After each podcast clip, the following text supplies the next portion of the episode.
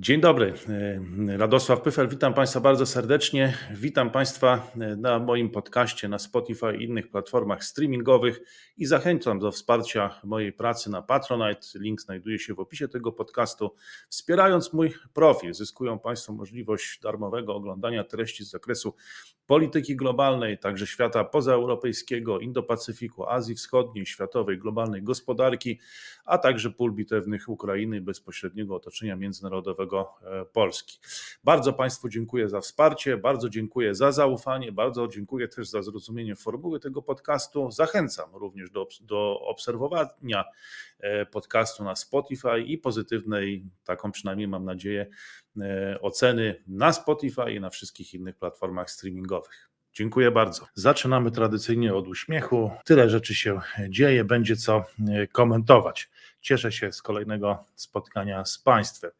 Dzisiaj poniedziałkowe combo, na początku cztery game changery, e, czyli Tajwan, Argentyna, OpenAI, no i kandydatura e, kolejnego ochotnika, który chce kandydować za kratek na najwyższy urząd w państwie, czyli Igora Girkina w Rosji, USA, Chiny, e, Indie mistrzem świata w krykiecie, oczywiście Izrael, strefa gazy.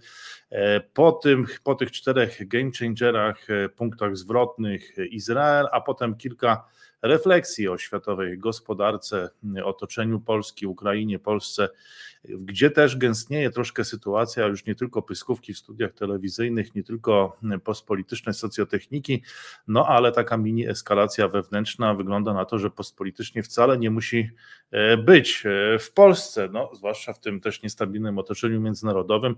To będzie wymagało chyba e, zapięcia pasów i mocnych nerwów, tak jak przy okazji ostatniej rozmowy z profesorem Grzegorzem Kołotko, do której też e, nawiążę w dzisiejszym refleksyjnym e, komentarzu. E, proszę Państwa, zaczynamy od podziękowań tradycyjnie. Dziękuję wszystkim wspierającym ten kanał z całego świata, z całej Europy, z całej Polski, poprzez przyciski na YouTube, poprzez Patronite, poprzez tradycyjne przelewy. Dziękuję za wspieranie na wszelkie sposoby.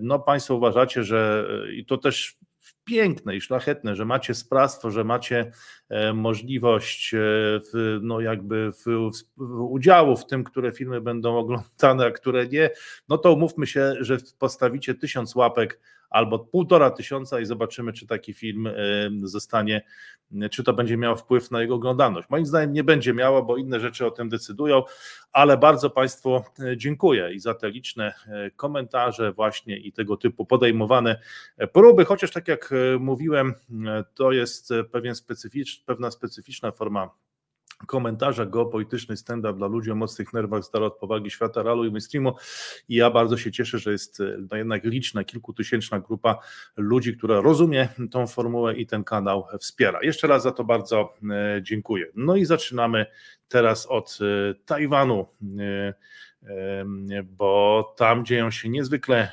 interesujące rzeczy. Nici, i to, i to jest ten pierwszy game changer, bowiem nici z game changera, proszę Państwa, tak naprawdę nici z tego e, e, fundamentalnego zwrotu w kampanii prezydenckiej na Tajwanie, bowiem dwaj kandydaci opozycji, a właściwie ich przedstawiciele nie dogadali się co do tego, kto ma być kandydatem na prezydenta, a kto ma być kandydatem na wiceprezydenta. No to bardzo często, proszę Państwa, tak się zdarza w wielu różnych miejscach na świecie, zwłaszcza kiedy sondaże są bardzo zbliżone. I tam okazało się, że e, ci specjaliści od wyborów, od e, właśnie od sondaży nie byli w stanie ustalić e, tak naprawdę kto ma te sondaże lepsze, a to sondaże miały decydować, e, kto będzie właśnie w, tej, w tym tandemie e, kandydatem na prezydenta, a kto na wiceprezydenta i nie dogadali się, nie porozumieli się w stronie w sprawie wspólnego startu. Będą negocjować. Mamy do czynienia z bardzo ciekawą grą psychologiczną, bo w piątek trzeba zgłosić już ostateczny skład znaczy kto kandyduje i kto, bo właściwie mamy do czynienia podobnie jak w Stanach Zjednoczonych, tego nie ma w Polsce, to jest pewna różnica e, z Tajwanem, e, jest kandydat na prezydenta i ktoś, kto startuje z nim jako kandydat na wiceprezydenta. I tutaj partia DPP, Zieloni, ci, którzy odwołują się do tożsamości tajwańskiej, którzy mówią o tym, że Tajwan jest de facto niepodległym państwem, ale z powodów taktycznych nie ma sensu tego deklarować, czyli Lai Ching-te, William Lai, prowadzący w sondażach, no, który na pewno cieszy się z tego, że tutaj ci dwaj kandydaci opozycji się nie dogadali, bo on ma około 33%, a tamci dwaj mają po 20, około 22%, czyli gdyby rzeczywiście złączyli tutaj wysiłki, to jest duże prawdopodobieństwo, podobieństwo że te wybory by wygrali, tylko właśnie nie mogą się dogadać, jak kto ma być prezydentem, a kto wiceprezydentem. Natomiast on mianował na wice, na kandydatkę na wiceprezydentkę i to jest szefowa tajwańskiego biura w Waszyngtonie. To już mówiliśmy o tym wcześniej, że, że prawdopodobnie to będzie Xiaobi Kim i tak się stało. I tak się stało. To jest półamerykanka, no świetnie mówiąca po angielsku i też taka postać bardzo ciekawa, 52-letnia kobieta, miłośniczka kotów, no, która mówiła, że i zabrała do Tajpej, te, przepraszam, z Tajpej do Waszyngtonu te wszystkie swoje zwierzaki. Nie wiem teraz, czy, czy, czy z powrotem się przeprowadzał do, na Tajwan. Koty pewnie nie będą brały udziału w kampanii wyborczej, no ewentualnie jeśli już to psy, no koty jak Państwo wiecie nie lubią hałasu, tego kiedy po prostu dużo się wokół dzieje, cenią raczej rutynę i spokój. Natomiast no, Xiaobi Kim to jest niewątpliwie postać e, taka nieszablonowa, niebanalna, e, mówiła o tym właśnie jako miłośniczka kotów, co jest takim istotnym elementem jej wizerunku, że będzie, że znajdzie sposób na wilczą dyplomację chińską, tą pekińską i przeciwstawi jej właśnie dyplomację kocią. No, jest szansa, duża szansa, że nie dogadają się ci kandydaci opozycji, a wtedy William Lai, obecnie wice, obecny wiceprezydent czy zastępca pani prezydent Tsai Ing-wen, że wtedy on zostanie prezydentem, no a ona zostanie jego zastępczynią, zostanie panią wiceprezydent, no i w tej sytuacji no, będzie mogła być może zaprezentować trochę tej kociej dyplomacji. Może się przekonamy, jak to będzie wyglądać. A gra psychologiczna będzie prowadzona do piątku. Tutaj było trzech specjalistów jeden mianowany przez Kuomintang, drugi przez e, Tajwańską Partię Ludową, e, a trzeci przez prezydenta Ma który wywodzi się z Kuomintangu i tak jak już mówiłem w piątkowym komentarzu były takie przypuszczenia, że on będzie raczej sprzyjał kandydatowi Kuomintangu Hou Youyi, żeby on został kandydatem na prezydenta, a Kołędzie na wiceprezydenta. No Kuomintang to jest partia, która mm, ma E, bardzo długą historię, jeszcze sięgającą korzeniami w ogóle kontynentu, bo tam została założona i tam powstała, ale może do tego już nie wracajmy. Natomiast Tajwańska Partia Ludowa jest stosunkowo młodą organizacją, ale jestem języczkiem uwagi. Teraz no Kołędzie, który no teoretycznie przynajmniej strukturalnie i organizacyjnie jest kandydatem słabszym, już w te rozważania o sondażach nie chce wchodzić, no może się upierać przy tym, że skoro, że skoro on jest tym języczkiem uwagi, no to powinien on być prezydentem i może na tym będzie teraz polegać e, ta psychologiczna rozgrywka do piątku, kto tutaj zgłosi kandydata. Zobaczymy, będziemy proszę Państwa to e, monitorować, czy się dogadają, czy się nie dogadają. Sądzę, że jak się nie dogadają, to po prostu wygra kandydat DPP, tej partii progresywnej, zielonej, opowiadającej się za zrywaniem więzów z kontynentem, no a wtedy na to e, oczywiście zareaguje z furią pewnie Pekin, bo nie rozmawia z przedstawicielami e, DPP i nie rozmawia z zielonymi. E, chętnie porozmawiałby z, z no, na pewno najbardziej z tymi niebieskimi, czyli z Kuomintangiem, ale pewnie i być może z Kołędzie, z akurat to jest biały kolor, y, tą e, tajwańską partią ludową, no ale, mm, ale tutaj e, kwestia jest otwarta i zobaczymy, jaki będzie wybór na Tajwanie. E, I proszę Państwa, drugi game changer to jest zwycięstwo kandydata nazywanego argentyńskim Korwinem Mikke, że to jest radykalny libertarianin. No w przeciwieństwie do e, może pana Janusza nie epatował e, takim ostrym przekazem do twardego elektoratu, przynajmniej na początku, epatował, bo chodził w koszulkach z piłą elektryczną, mówiąc o tym, że będzie ciął wydatki, no ale potem może pod wpływem doradców ten przekaz złagodził e, i już z tą piłą mechaniczną e, nie chodził, nie pokazywał się publicznie w czasie kampanii e, i te wybory wygrał w drugiej turze głosowania. I tutaj był wybór między właśnie no, libertarianinem, skrajnym wolnościowcem, a no, lewicowym, czy umiarkowanie lewicowym peronistą, obecnym ministrem gospodarki Sergio Masą, który E, no właśnie, i, i e, ostatecznie Milej, e, Milej, Javier Milej, bo o nim mowa o tym właśnie argentyńskim Korwinie Mike, chociaż ja zaraz powiem, że on może niekoniecznie jest Korwinem Mike, to jest takie nasze uproszczenie trochę. No w każdym razie Milej zdobył 56% głosów, no i wzywał w swojej kampanii wyborczej do rewizji wartości odziedziczonych po peronizmie, takich jak równość obywateli, sprawiedliwość społeczna, ale pod koniec kampanii zaczął się wycofywać z najbardziej polemicznych haseł wyborczych. Należały do nich, e, no właśnie, chociaż nie, to jednak troszkę jest w stylu Janusza Korwina-Mikke. Powszechny dostęp obywateli do broni lub zmiany w prawie, które pozwoliłyby na swobodny rynkowy obrót organami ludzkimi dla dokonywania e, przeszczepów. No, radykalne to są Postulaty natomiast Sergio Massa, kandydat Unii dla Ojczyzny, reprezentował w wyborach prezydenckich dotychczas rządzącą w Argentynie lewicę peronistowską. Jeszcze przed ogłoszeniem wyników e, wyborów niedzielnej tury głosowania uznał swoją porażkę i złożył telefoniczne gratulacje swojemu konkurentowi, e, e, właśnie no, ultraliberalnemu czy libertariańskiemu Javierowi Milejowi.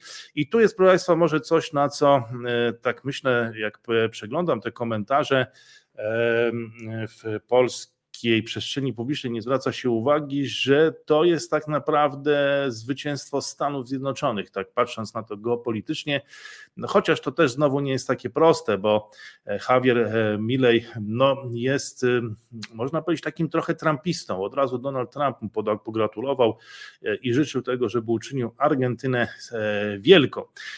Więc tu można mówić, że, że mamy do czynienia z, raczej z tego typu klimatem politycznym, jak się okazuje, ani sam Donald Trump, ani w ogóle ruch e, trumpowski, do którego często nawiązuje w naszej części świata Viktor Orban, no nie został jeszcze zepchnięty pod wodę, okazuje się. E, I cały czas są kandydaci no, nazywani populistycznymi, no ale, ale to można powiedzieć, że to są tacy reprezentanci tej formacji no, tego wszystkiego, co symbolizował odsunięty teraz w Stanach Zjednoczonych Donald Trump, który nie wiadomo, czy nie powróci. Więc jeden element to jest ten Trumpizm, ale drugi to jest dolaryzacja gospodarki argentyńskiej. Javier e, Milei mówi o tym, że będzie dolaryzował, że będzie e, e, zacieśniał więzy ze Stanami Zjednoczonymi. To jest ten aspekt geopolityczny, no w tym sensie, bo że e, ma, jest to taka mieszanka trochę Janusza Korwina-Mikke i e, Leszka Balcerowicza chyba e, bardziej, tak bym to powiedział, chociaż są rzeczywiście te radykalne niektóre postulaty społeczne tutaj rzeczywiście bardziej w stronę, w stronę, w stronę JKM, no i co tu też jest istotnego? No to mianowicie, że Argentyna za jakieś 40 kilka dni, 1 stycznia, e, wchodzi do BRICS i tam rozpoczną się dyskusje o jakichś nowych formach rozliczania się, może we własnych walutach, może tworzenie jakiejś nowej waluty, a Javier Miley no na pewno będzie, e, no nie będzie zwolennikiem tego, tego ruchu. Argentyna jest tam jednym z 11 krajów, e, no oprócz tej piątki, która dotychczas stworzyła BRICS, tam jeszcze przecież weszły kraje Bliskiego Wschodu, wszedł Egipt, Etiopia, e, Arabia Saudyjska, Iran i Zjednoczone Emiraty Arabskie, a w ich towarzystwie Argentyna, no a teraz ze względu na tego prezydenta, który proponuje dolaryzację właśnie argentyńskiej e, gospodarki, no to będzie wykonywało ruch całkowicie przeciwny niż BRICS, który chce właśnie dedolaryzować e, globalny system e, finansowy i globalną gospodarkę. No więc to będzie, myślałem się, bardzo ciekawe i na to warto zwrócić uwagę bo tak mam wrażenie, że w Polsce jesteśmy zajęci tym właśnie, czy to jest, na ile on przypomina Janusza Korwina-Mikke, na ile nie. I to jest jakby, mam wrażenie, głównym punktem debaty, podczas gdy, no jeżeli spojrzymy globalnie, to tutaj jest e, istotna, e, istotna kwestia właśnie jak to będzie w 2024 roku wyglądało na forum BRICS, kiedy już właśnie ta Argentyna z prezydentem zalecającym właśnie dolaryzację, a nie dolaryzację dołączy do BRICS. I teraz mamy, proszę Państwa, kolejny game changer. To, jest, to są nowe technologie, sztuczna inteligencja, obawy o zbyt szybki rozwój właśnie AI związany z tym niepokój i bezpieczeństwo były w centrum sporu, który doprowadził do szefa OpenAI, sama Altmana. Taką informację w niedzielę przekazał New York Times i Bloomberg i wciąż trwają rozmowy na temat ewentualnego przywrócenia go do pracy, jak pisze New York Times, powołując się na trzy wtajemniczone źródła, powodem nagłego zwolnienia szefa i frontmana OpenAI, no, firmy znanej jako twórcę chatbota GPT był konflikt Altmana z głównym naukowcem i współzałożycielem firmy i członkiem zarządu Ilią e, Sackwerem. Sackwer miał uważać, że technologia tworzona przez organizację musi być, może być, przepraszam, nie musi być, ale może być niebezpieczna. Natomiast Altman się w ogóle tym nie przejmował, przykładał do tego zbyt mało wagi do tej kwestii i parł naprzód wiedziany logiką biznesowej konkurencji. E, czyli tutaj e, tu był spór między, między nimi, jakby dotyczył tej kwestii. No i ten konflikt konflikt właśnie w podobny sposób pisał Bloomberg, według którego właśnie do zwolnienia Altmana doprowadzili kierujący spółką naukowcy, którzy obawiali się ekspansji spółki, uważając ją za niekontrolowaną, może nawet niebezpieczną, czyli rozumiem tu kwestię wartości, nie można zdecydować. Naukowcy mówili, nie, no już y, dalej nie możemy w tym wszystkim pójść, a Altman mówił, no ale to biznesowo będzie opłacalne, więc zróbmy jeszcze kolejny krok. Bloomberg twierdzi, że Altman właśnie agresywnie starał się o nowych inwestorów, by umożliwić dalszy rozwój i powiększanie bazy użytkowników e, ChatGPT, a to wymaga e, ogromnego kapitału.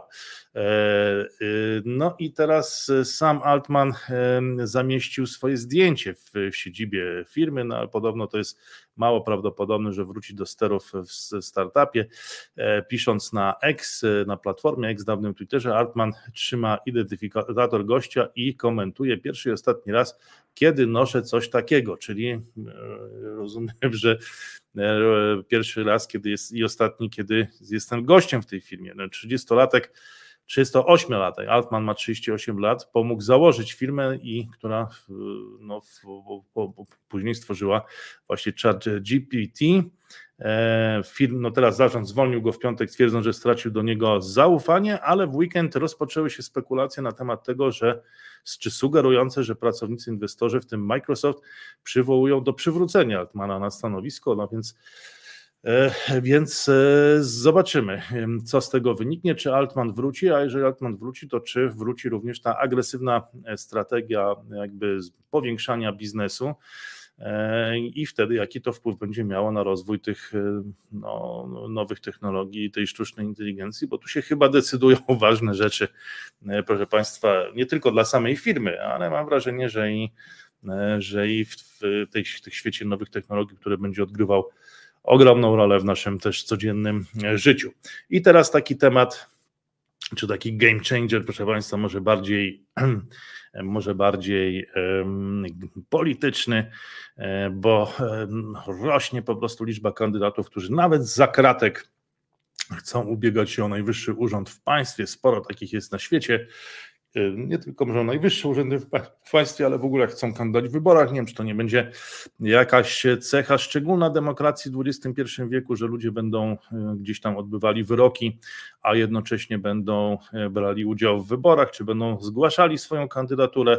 Wydaje mi się, że społeczeństwo, które mm, coraz bardziej gdzieś tam pogrąża się w bańkach, zamyka się w bańkach, no to dla jednych ktoś taki będzie gdzieś tam skazany, a dla innych z kolei będzie bohaterem.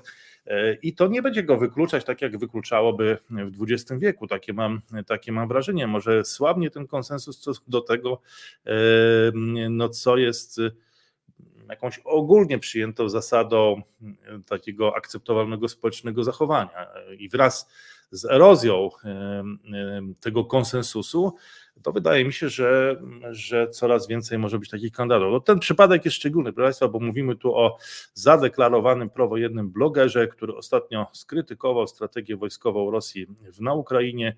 E, oświadczył teraz, że mowa o Igorze Wsiewołodowicze Girkinie, pseudonim Strejkow, który oświadczył, że chce rzucić właśnie wyzwanie Władimirowi Putinowi w marcowych wyborach, bo twierdzi, teraz przebywa w więzieniu i w oczekiwaniu na proces za ekstremizm, z tym się nie zgadza, zaprzecza temu ekstremizmowi, no i uznał, że chce zakłócić jego zdaniem fałszywe wybory, w których zwycięzca jest już znany. Girkin, no poza tym, że jest kontrowersyjnym, poczytnym blogerem, dowodził również prorosyjskimi bojownikami we wschodniej Ukrainie w 2014 roku po aneksji Krymu przez, przez Moskwę. Nie wiem, czy wystartuje, jak Państwo uważacie, E, hmm, jest, będę ciekaw e, komentarzy. I, I proszę Państwa, teraz przenosimy się do Izraela, e, więc to były te cztery game changery, a teraz troszkę sytuacja, jak wygląda na Bliskim Wschodzie, w samej strefie gazy i ta dyplomatyczna gra mocarstw wokół Izraela i wokół strefy gazy, a potem część refleksyjna. Izraelskie władze opublikowały nagranie E, wideo pokazujące 55-metrowy tunel umieszczony na głębokości 10 metrów pod szpitalem Al-Shifa, czyli aż 10 metrów pod szpitalem 55-metrowy tunel. Wideo pokazuje studnię ze spiralnymi schodami prowadzącymi do betonowego tunelu, w którym znajdują się masywne drzwi. Ten rodzaj drzwi jest używany przez terrorystów e, Hamasu, aby u uniemożliwić siłom izraelskim zbliżenie się do centrum dowodzenia Hamasu i podziemnych obiektów. To tak dokładnie zacytowałem oświadczenie izraelskiej armii. Według wojska nadal bada ono trasę tunelu. Izraelczycy wielokrotnie wcześniej twierdzili, że Hamas umieszcza swoją infrastrukturę pod szpitalem Al-Shifa. Natomiast Hamas i zarząd szpitala twierdzili, że tak e, nie jest. No i teraz ciężkie walki toczyły się w nocy E, i w niedzielę pomiędzy bojownikami Hamasu a siłami zbrojnymi Izraela, które nacierały w kierunku obozu dla uchodźców Jabali w północnej części strefy gazy. Taką informację podały Reuters i Associated Press.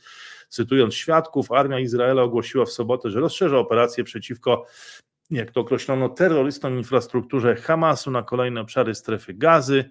E, również na północy strefy. Bezustannie słychać było wystrzały z broni palnej i czołgów. To była kolejna noc grozy, powiedział w rozmowie telefonicznej z Associated Press Yassin Sharif, który schronił się w prowadzonym przez agencję ONZ szpitalu na terenie obozu. E, I kolejne wideo, które opublikowało izraelskie wojsko, na którym widać, jak zakładnicy są zabierani z największego w gazie e, szpitala po atakach Hamasu z 7 października. E, wzięci ci zakładnicy, teraz odbijani. Rzecznik wojska powiedział, że jeden z nich żołnierz został tam zamordowany. Izrael poinformował, że w miejscu, w którym, jak twierdzi, znajdowało się centrum dowodzenia Hamasu, odkryto tunel, o którym wspomniałem, Hamas temu zaprzecza. A ambasador Izraela w USA wyraża nadzieję, że w nadchodzących dniach zostanie osiągnięte porozumienie w sprawie uwolnienia znacznej liczby zakładników. Michael Herzog powiedział ABC, że w tym celu podejmowane są poważne wysiłki, ale im mniej szczegółów ujawni, tym większe szanse na to, że taka umowa zostanie zawarta. Katar, który uczestniczy w mediacji, również twierdzi, że porozumienie jest w zasięgu ręki. No, proszę Państwa, 7 października dostali się do niewoli ci mm, E, zakładnicy. Teraz mamy 20 e, listopada, więc troszkę to jest już miesiąc i 13 dni, więc troszkę czasu e, minęło. No i teraz niezadowolenie wyraża Joe Biden. Proszę Państwa, rozchodzi się, rozchodzi się to spojrzenie Izraelczyków i Amerykanów na to, co się tam dzieje, atakują Palestyńczyków w miejscach, w których ci mają prawo przebywać i to musi się skończyć, powiedział Joe Biden, odnosząc się do licznych incydentów przemocy, jakich dopuszczają się izraelscy osadnicy wobec Palestyńczyków na zachodnim brzegu. W obliczu rosnącej skali tego zjawiska polecił urzędnikom przygotować zakazy wizowe i sankcje dla, jak to określił, ekstremistów. Z dokumentu, do którego dotarła redakcja Politico, wynika, że prezydent USA polecił najwyższym urzędnikom przygotować zakazy wizowe i sankcje właśnie dla tych izraelskich osadników atakujących Palestyńczyków na zachodnim brzegu Jordanu i zmuszających ich do wysiedleń. Notatka wysłana w piątek do wysokich rangą doradców prezydenta, takich jak sekretarz stanu Antony Blinken i sekretarz skarbu Janet Yellen, nakazuje ich agencjom opracować rozwiązania polityczne umożliwiające szybkie podjęcie działań przeciwko osobom odpowiedzialnym za przemoc na zachodnim brzegu. Wysoki rango amerykański urzędnik przekazał z kolei Politico fragmenty notatki w sobotę wieczorem, krótko po tym, jak Biden opublikował artykuł The Washington Post, w którym wyjawił zamiar podjęcia takich działań. USA są gotowe podjąć własne kroki, w tym nałożyć zakazy wizowe na ekstremistów atakujących ludność cywilną na zachodnim brzegu, napisał. Dyrektora pojawia się w szczególnym momencie. Administracja Bidena chce pokazać, że wspiera palestyńskich cywilów w potrzebie, nawet jeśli stanowczo broni Izraela do odwetu e, na Hamasie, a członkowie partii prezydenta zabiegają o uchwalenie planu pomocy wojskowej dla sojusznika Waszyngtonu. No tak, no tylko, że za chwilę Amerykanom się rozsypie cały Bliski Wschód i ja rozumiem, że to jest przyczyną, dla którego Joe Biden e, reaguje, że stara się wykonać jakiś krok, e, żeby no, jakiś gest, no przynajmniej w stronę tej społeczności arabskiej na Bliskim e, Wschodzie. No pytanie jest, czy Izrael tego posłucha. Mam wrażenie, że no chyba niekoniecznie. E, po prostu Izrael realizuje to, co sam uważa za stosowne i nie zwraca tutaj uwagi na e, Joe Bidena, no ale mm, to jest bardzo ryzykowne. No nie wiem, czy dla samego Izraela. Wydaje mi się, że dla samego Izraela też jest to bardzo ryzykowne, no chociaż może akurat ludzie w Izraelu uważają inaczej. No, w końcu to ale na pewno jest to ryzykowne dla Stanów Zjednoczonych i dla pewnego delikatnego układu na Bliskim Wschodzie, bo to może prowadzić do eskalacji. No i to wszystko wtedy spadnie na głowę Stanów Zjednoczonych, więc nic dziwnego, że ci zaczynają już się po prostu niepokoić i zaczynają wykonywać ruchy, które próbują powstrzymać Izrael. Czyż to się uda? E, no to zobaczymy. E, może po prostu Izrael już będzie dochodził powoli do końca tej chirurgicznej operacji, po prostu. No tak, ale zaraz będzie prawdopodobnie, tu też jest różnica zdań, no, sprawowanie, wejście do strefy gazy i sprawowanie tam kontroli, a na to się też Stany Zjednoczone nie zgadzają. E, moglibyśmy ten katalog rozbieżności e, o tym mówić, powiedzieć więcej, bo tych punktów jest coraz więcej w tym katalogu rozbieżności między USA i Izraelem, ale nawiążmy teraz do spotkania ministrów arabskich i muzułmańskich, którzy wezwali do natychmiastowego zawieszenia broni w gazie w czasie, gdy ich delegacja odwiedziła Pekin, więc teraz będą podróżować. Pierwszym miejscem na świecie, który odwiedza ta grupa właśnie tych ministrów arabskich i muzułmańskich jest Pekin. To jest pierwszy etap ich podróży, która ma na celu zakończenie działań wojennych i zezwolenie na pomoc humanitarną dla zniszczenia enklawy palestyńskiej. Delegacja, która ma spotkać się z urzędnikami reprezentującego każdego z pięciu stałych członków Rady Bezpieczeństwa, no, to oznacza, że pojadą też do Moskwy. Wywiera presję zarówno na Zachód, aby ten odrzucił argumenty Izraela dla jego działań przeciwko Palestyńczykom e, i urzędnicy spotkają się dzisiaj z najwyższym chińskim dyplomatą Ani i będą to e, urzędnicy z Arabii Saudyjskiej, Jordanii, Egiptu, Indonezji, co ciekawe, Palestyny i Organizacji Współpracy Islamskiej. A więc tutaj szeroki front no, arabsko-islamski, e, który będzie jeździ, który pojedzie do wszystkich stolic E, państw e, Rady Bezpieczeństwa ONZ. Jako pierwszy Pekin, potem może e, Moskwa, rozumiem, że Waszyngton, no musi być Londyn i Paryż. I właśnie teraz przenosimy się do Paryża, gdzie prezydent Francji Emmanuel Macron, który nie wiem, czy spotka się z tą delegacją, czy będzie to francuski szef dyplomacji, ale w każdym razie Emmanuel Macron ocenił w niedzielę w rozmowie z premierem Netanyahu, że w strefie gazy jest zbyt wiele ofiar cywilnych. Podkreślił absolutną konieczność odróżnienia terrorystów od ludności. To e, ogłosił Pałac Elizyjski, tylko jeszcze raz zadam to pytanie, jak to zrobić? Jak to zrobić? Jak odróżnić ludność cywilną od terrorystów i jak zagwarantować tak zwane prawo do obrony, ale w taki sposób, żeby nie naruszyć, e, czy no niestety no nie, nie, nie uderzać w cywilów. E, jak to zrobić? Tu chyba cały czas, proszę Państwa, zadaję to pytanie i szukam odpowiedzi. Macron zwrócił uwagę na znaczenie osiągnięcia natychmiastowego rozejmu humanitarnego prowadzącego do zawieszenia e, broni. No, ale czy to też nastąpi? Przywódca Francji rozmawiał także z prezydentem autonomii palestyńskiej Mahmudem Abbasem. W rozmowie potępił przemoc przeciwko palestyńskim cywilom na zachodnim brzegu Jordanu. Taką informację przekazał francuski pałac prezydencki, a minister obrony Francji Sebastien Lecornu ogłosił tymczasem, że, jego, że z jego kraju wypłynął do Egiptu helikopterowiec, który będzie służył jako pływający szpital dla rannych palestyńskich cywilów ze strefy gazy. Taką informację przekazał portal Times of Israel. Pracownicy medyczni będą mogli ewakuować rannych, głównie dzieci ze strefy gazy, a następnie przewozić ich na statek, by udzielić im pomocy. Na okręcie są dwie sale operacyjne, 40 łóżek dla pacjentów, aparat rentgenowski i laboratorium. Według kontrolowanego przez Hamas Ministerstwa Zdrowia strefy gazy od początku wojny na terytorium e, e, właśnie strefy gazy zginęły już ponad 30, 13, przepraszam, 13, na szczęście tylko na razie 13 tysięcy, a nie 30 13 tysięcy osób, w tym niestety także tysiące dzieci. Władze Izraela kwestionowały te bilanse ogłaszane przez resort zdrowia strefy gazy. No, tragiczna, proszę Państwa, sytuacja. No, myślę, że jak ktoś przeżył do, tutaj, w tym szpitalu e, te ostatnie kilka tygodni, to jest to chyba trauma na całe życie. E, teraz Turcja także angażuje się w intensywne wysiłki dyplomatyczne mające do, doprowadzić do zakończenia konfliktu w strefie gazy. Istnieją inne sposoby, które można zastosować, gdy kanały dyplomatyczne okażą się nieskuteczne, to powiedział szef tureckiej dyplomacji Hakan Fidan, cytowany w niedzielę przez dziennik Hurriyet. W gazie trwa oblężenie oparte na użyciu siły. Obecnie uciekamy się do środków dyplomatycznych, aby je przerwać. Jeśli te sposoby okażą się e, nie, Hmm. E, nieskuteczne, no to istnieją alternatywy, powiedział Finan. No nie wiem, czy to groźba, czy jeżeli co, co będzie, jak się okaże, że dyplomacja zawiodła.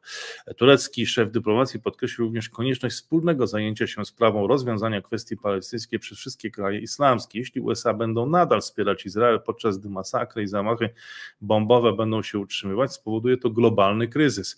Bez rozwiązania dwupaństwowego kwestia tego, kto będzie rządzić Gazą, nie powinna być omawiana. Gaza nie ma problemu z zarządzaniem, ale z tym, że jest pod okupacją, ocenił FIDA. No ale proszę Państwa, no Izrael nie słucha się Stanów Zjednoczonych. I co Stany Zjednoczone no. mają zrobić? No pytanie jest, w jaki sposób mają nacisnąć na Izrael, bo jeżeli nie, to tu grozi Fidan, czy grozi właśnie szef tureckiej dyplomacji, że to się skończy globalnym kryzysem. No chyba przez Stany Zjednoczone sobie zdają z tego sprawę, no tak rozumiem, te, te potępienia, czy te próby wstrzymania wiz dla tych e, z obywateli Izraela, którzy dopuszczają się tam jakiegoś używania przemocy wobec, wobec e, Palestyńczyków na zachodnim brzegu Jordanu, no ale e, jakie jeszcze tutaj, jakimi jeszcze instrumentami dysponują Stany Zjednoczone, żeby zdyscyplinować Izrael, bo na razie nie za bardzo to widać. Polityk turecki, właściwie szef tureckiej dyplomacji skrytykował również USA za zapewnienie absolutnego wsparcia Izraelowi i odrzucanie pomysłu trwałego zawieszenia broni, ostrzegł przed eskalacją wyścigu zbrojeń nuklearnych w regionie w związku z posiadaniem przez Izrael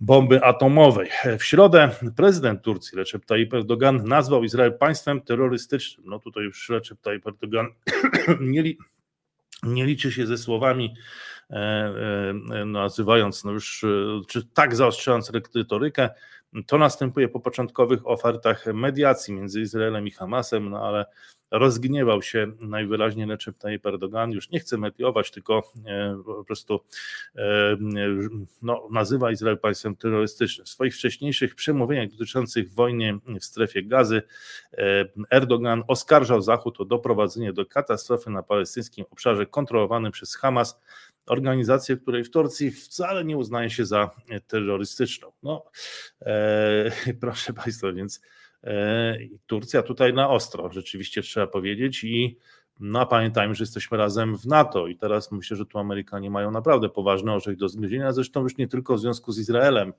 w relacjach z Turcją, nie tylko w związku z Izraelem, no ale, ale znowu ta kwestia, kwestia powraca. No a co w Iranie? A w Iranie najwyższy duchowy polityczny przywódca tego kraju, Ayatollah Ali Khamenei, wzywa kraje muzułmańskie, które utrzymują relacje polityczne z Izraelem, aby zerwały je przynajmniej na jakiś, na pewien czas. No, proszę Państwa, myślę, że w Pekinie się cieszą z tego, bo ta strategia odklejania państw arabskich od Izraela, a tym samym od Stanów Zjednoczonych, które no, nie są w stanie w jakiś sposób, no nie mogą, po prostu nie mogą, nie są w stanie zaproponować takiej polityki, która byłaby akceptowana dla państw arabskich, no to musi cieszyć, to musi cieszyć Pekin, tak jak i tak mi się wydaje i to oświadczenie Ali Hamanejego, bowiem w przemówieniu wygłoszonym w Ośrodku Sił Powietrznych i Kosmicznych Irańskiego Korpusu Strażników Rewolucji Islamskiej tak, tak, proszę Państwa, istnieje coś takiego jak, mm, jak się okazuje, e, Ośrodek Sił Powietrznych i Kosmicznych Irańskiego Korpusu Strażników Rewolucji Islamskiej. Właśnie tam Hamanei stwierdził, że Izrael poniósł porażkę w strefie gazy. Jego zdaniem wojskom izraelskim jak dotąd nie udało się osiągnąć celu w postaci zniszczenia Hamasu pomimo zmasowanych bombardowań. No pytanie jest takie, nawet jeżeli całą strefę gazy by się zbombardowało, czy to oznacza koniec Hamasu? No, tak naprawdę mam wrażenie, że chyba nie. E, bo jakaś część przecież też jest poza granicami. E, przywódca Iranu w każdym razie ocenił również, że świadczy to o słabości USA i krajów zachodnich, które wspierają Izrael. Taką informację podał Times of Israel. Dziennik przypomniał, że władze Iranu określiły brutalny atak Hamasu na Izrael 7 października jako zdaniem właśnie Hamaneinego sukces, ale zaprzeczyły, że brały w nim udział. Szef irańskiego MSZ-u Hossein Amir Abdullahian oświadczył tymczasem wczoraj, że związane z Iranem organizacje sprytnie dostosowują presję na Izrael i jego sojuszników. Grupy oporu wciąż mają niewykorzystane zdolności do wywierania nacisku na Izrael. Tak stwierdził właśnie szef irańskiej dyplomacji. Władze Iranu określają sieć wspieranych przez siły organizacji mianem osi oporu e, przeciwko Izraelowi, natomiast rząd izraelski nazywa je osią zła. No, jedni mówią oś oporu, drudzy oś zła.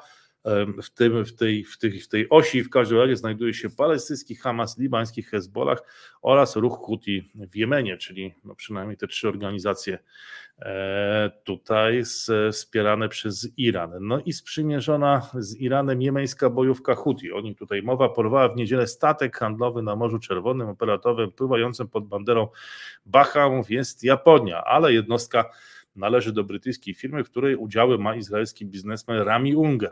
To kolejny akt irańskiego terroru, skomentowało biuro izraelskiego premiera Netanyahu. Wśród członków załogi Galaxy Leader, który przewoził ładunek z Turcji do Indii, nie ma ani jednego Izraelczyka. Donosi Jerusalem Post. Na statku znajdować się miały 25 osób z Ukrainy, Meksyku, Filipin i Bułgarii. To kolejny irański akt terroryzmu uwidaczniający eskalację działań wojennych Iranu przeciwko obywatelom wolnego świata, które niosą konsekwencje dla bezpieczeństwa międzynarodowej żeglugi, skomentowało biuro Izraela Benjamina Netanyahu. Przedstawiciele sprzymierzonej z Teheranem bojówki Houthi ostrzeliwują Izrael za pomocą rakiet i dronów dalekiego zasięgu w ramach solidarności z Hamasem. W zeszłym tygodniu przywódca Houthi ogłosił, że jego siły będą przeprowadzać dalsze ataki na Izrael i mogą obrać za cel izraelskie ataki na Morzu E, czerwony.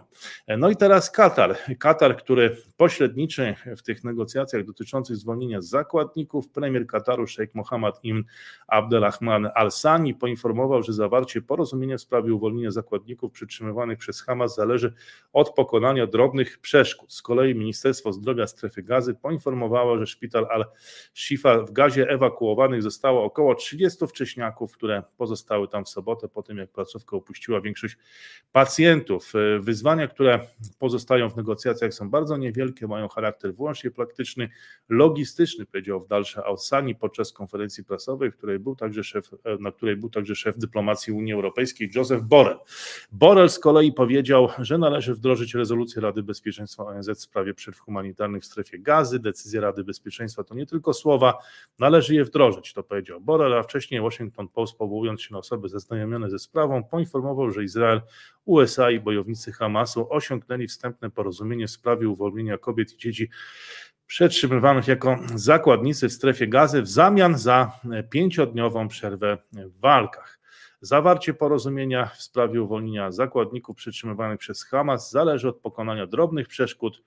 To właśnie Abdel, e, e, powiedział premier Kataru Sheikh Mohammed ibn Abdelrahman Al-Sani. E, bezpośredni wpływ Iranu na wojnę w strefie gazy jest obecnie niewielki, ale zachowanie tego może mieć decydujący wpływ na sytuację Izraela, mówią eksperci, komentatorzy w, w, w przestrzeni publicznej w Polsce. I proszę Państwa, na tym kończymy tą część, tą część dotyczącą strefy gazy, dotyczącą Izraela i przechodzimy do tej części refleksyjnej, jeżeli no, zazwyczaj część refleksyjna zazwyczaj dla ludzi o mocnych nerwach, jeżeli nie czujecie się Państwo na siłach, no to prośba, żeby przewinąć do kolejnego rozdziału, rozdziału o światowej gospodarce i globalnych korporacjach. Tutaj może być troszeczkę E, możecie się Państwo trochę zdenerwować, ale może też nie chcecie y, słuchać po prostu tych moich subiektywnych przemyśleń, może chcecie być poinformowani o wszystkim tym, co dzieje się na świecie, a niekoniecznie o tym, co tam, e, co tam sobie pomyślał Radek. E, w każdym razie, proszę Państwa, ostatnio niezwykle Was zdenerwował film z profesorem Grzegorzem Kołotko, który opublikowałem na tym kanale w sobotę. YouTube, co prawda tego filmu jakoś specjalnie nie pokazał, on się nie wyświetlał za bardzo w internecie, ale budził ogromne zainteresowanie. Bardzo dużo komentarzy, właśnie z, też bardzo dużo ludzi widząc ten film e, decydowało się go obejrzeć. Kołotko, Pyfel, no zakładam, że to raczej chyba profesor Kołotko tu przyciągnął uwagę niż ja. E, no i bardzo dużo komentarzy, bardzo dużo komentarzy, bardzo emocjonalnych i postanowiłem w kilku, w takich czterech punktach się do tego odnieść. E, no po pierwsze, proszę Państwa, zapraszam gości, no nie dlatego, że się z nimi zgadzam, albo mam te same poglądy. Zapraszałem przecież też Sławomira Mencena, zaprosiłem profesora Grzegorza Kołotko. Jestem im wdzięczny, że przyjmują te zaproszenia. Profesor wiele ludzi no, boi się. Dzisiaj jest taki jakiś, taka się ukształtowała kultura, że przyjęcie zaproszenia albo zaproszenie kogoś, no to jakby oznacza utożsamienie się z czyimiś poglądami. No i wiele osób też no, odmawia przyjęcia tego zaproszenia. Nie chce ze mną rozmawiać, bo nie wiem, bo boi się, że zostanie gdzieś tam zaszufladkowana. Ja się, Państwa, tego nie boję i uważam, że to jest bardzo szkodliwe. Nie rozumiem, szczerze mówiąc, tego, dlaczego osoby publiczne czy komentatorzy nie chcą przyjmować takich zaproszeń i jestem bardzo wdzięczny ludziom o wielu innych poglądach, takich właśnie wielu gościom, którzy występują na tym kanale i przyjmują te zaproszenia.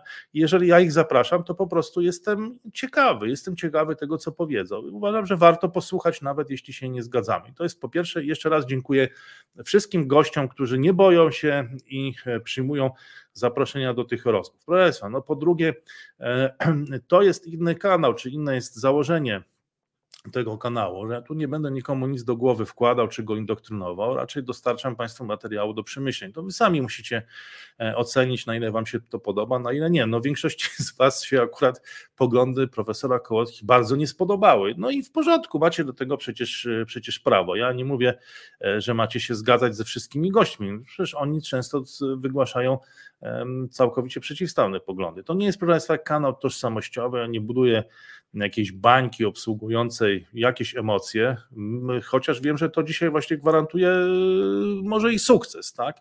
E, że właśnie emocje gwarantują ten e, sukces, że właśnie stworzenie pewnej tożsamości gwarantuje ten sukces i no, wydaje mi się, że chyba aż tak głupi nie jestem, żeby tego nie wiedzieć, że jeżeli komentator czy, czy autor podcastu mówi, Przestańmy się denerwować, wygaśmy te emocje, chłodna kalkulacja. No to Państwa, no to wiadomo, że, że to jakoś tam, nie wiem, zasięgi spadają, spada zainteresowanie, spada reaktywność. No to jest dzisiaj paliwem sukcesu w internecie, to chyba jest oczywiste, aż tak głupi nie jestem, żeby tego nie wiedzieć. A mimo to robię to świadomie i decyduję się, decyduję się na to. I teraz, jeżeli z kimś rozmawiam, no to nie, nie oznacza, że jak uprawiam jakąś propagandę, no, że zapraszam go po to, żeby promować jakoś jego E, poglądy. Pewnie być może dla części y, z Państwa one jakoś tam trafią, ale to nie jest moim celem. Bo ja rozumiem jeszcze, że 30-40 lat temu, jak było kilka stacji telewizyjnych czy radiowych, to wtedy rzeczywiście dawanie komuś możliwości wypowiedzi no było jakąś, jakąś formą jakąś formą w ogóle oddziaływania propagandowego. A teraz no to po prostu jest to ciekawość. No mnie po prostu to ciekawi i tu jestem wdzięczny no, profesorowi, że zgodził się na tę rozmowę i, i po prostu byłem ciekawy tego, co powie. A to profesor zresztą nomen omen, gdyby oznaczało, że, że zaproszenie kogoś do rozmowy od razu oznacza utożsamianie się całkowicie z jego poglądami, to można by powiedzieć, że co tydzień byłbym kimś innym. To byłoby niesamowita rzecz, bo będąc podcasterem na YouTubie, to można byłoby być jak aktorem, który jednego dnia gra Hamleta, potem, potem jest kimś innym, potem jest lekarzem, potem jest piosenkarzem, a potem jest żołnierzem i każdego dnia w, każdego dnia czy każdego tygodnia właściwie wciela się w jakąś inną postać. E, może byłoby to, miałoby to swój urok, gdybym jednego dnia był lewakiem, drugiego dnia e, jakimś właśnie aktywistą walczącym o pokój, tak jak y, się zaprezentował profesor Kołotko, potem byłbym jakimś libertarianinem, radykalnym wolnorynkowcem, a jeszcze w następnym tygodniu byłbym przedstawicielem, nie wiem, koalicji obywatelskiej albo PiSu. No, co tydzień mógłbym być kimś innym, no ale to nie, naprawdę nie o to chodzi. No i po trzecie, proszę tu zarzuty, że rzeczywiście za mało przerywałem. No, zawsze były zarzuty, że za często przerywałem, że wchodziłem w słowo ludziom, no teraz, że za rzadko, gościom przerywałem teraz, że za rzadko przerywałem, no jeszcze się taki nie urodził, który by wszystkim e, dogodził. No chciałem dać się wypowiedzieć e, profesorowi Kołotko, nie chciałem go wytrącać z rytmu, bo sam wiem jak to jest jak co chwila ktoś wchodzi w słowo. No i dodatkowo jeszcze profesor Kołotka, jak Państwo zauważyliście, wyjątkowo też tego nie lubi, e, tego przerywania, więc e, no, bardziej cierpliwie e, słuchałem. No i po czwarte, szok, niedowierzanie, proszę Państwa, no nie, no jak to w ogóle możliwe, nie mogę w to uwierzyć, co tutaj wypowiada pański gość, nie dam rady słuchać tego dalej.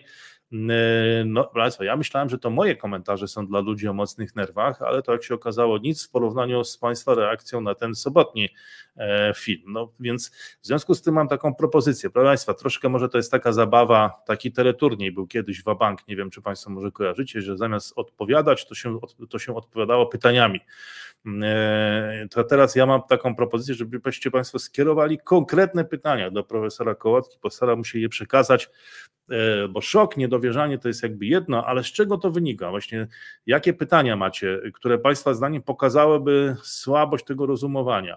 E, wtedy ja te pytania, może, może mi się uda je przekazać, może uda mi się o tym jeszcze porozmawiać z profesorem Kołotko, jeszcze wtedy Państwu bym o tym wspomniał, więc będę wdzięczny za takie pytania pod, pod tą rozmową. Rozmową, którą polecam, ona ukazała się w sobotę, jeżeli ktoś chce, to to może ją, może ją odnaleźć. Proszę Państwa, dobrze, kolejny temat. To jest taka kwestia, że Mm, opublikowała ostatnio taki wpis o Łapkę Hestrze, czyli jest główny unijny komisarz do spraw klimatu, wcześniej minister finansów y, Holandii.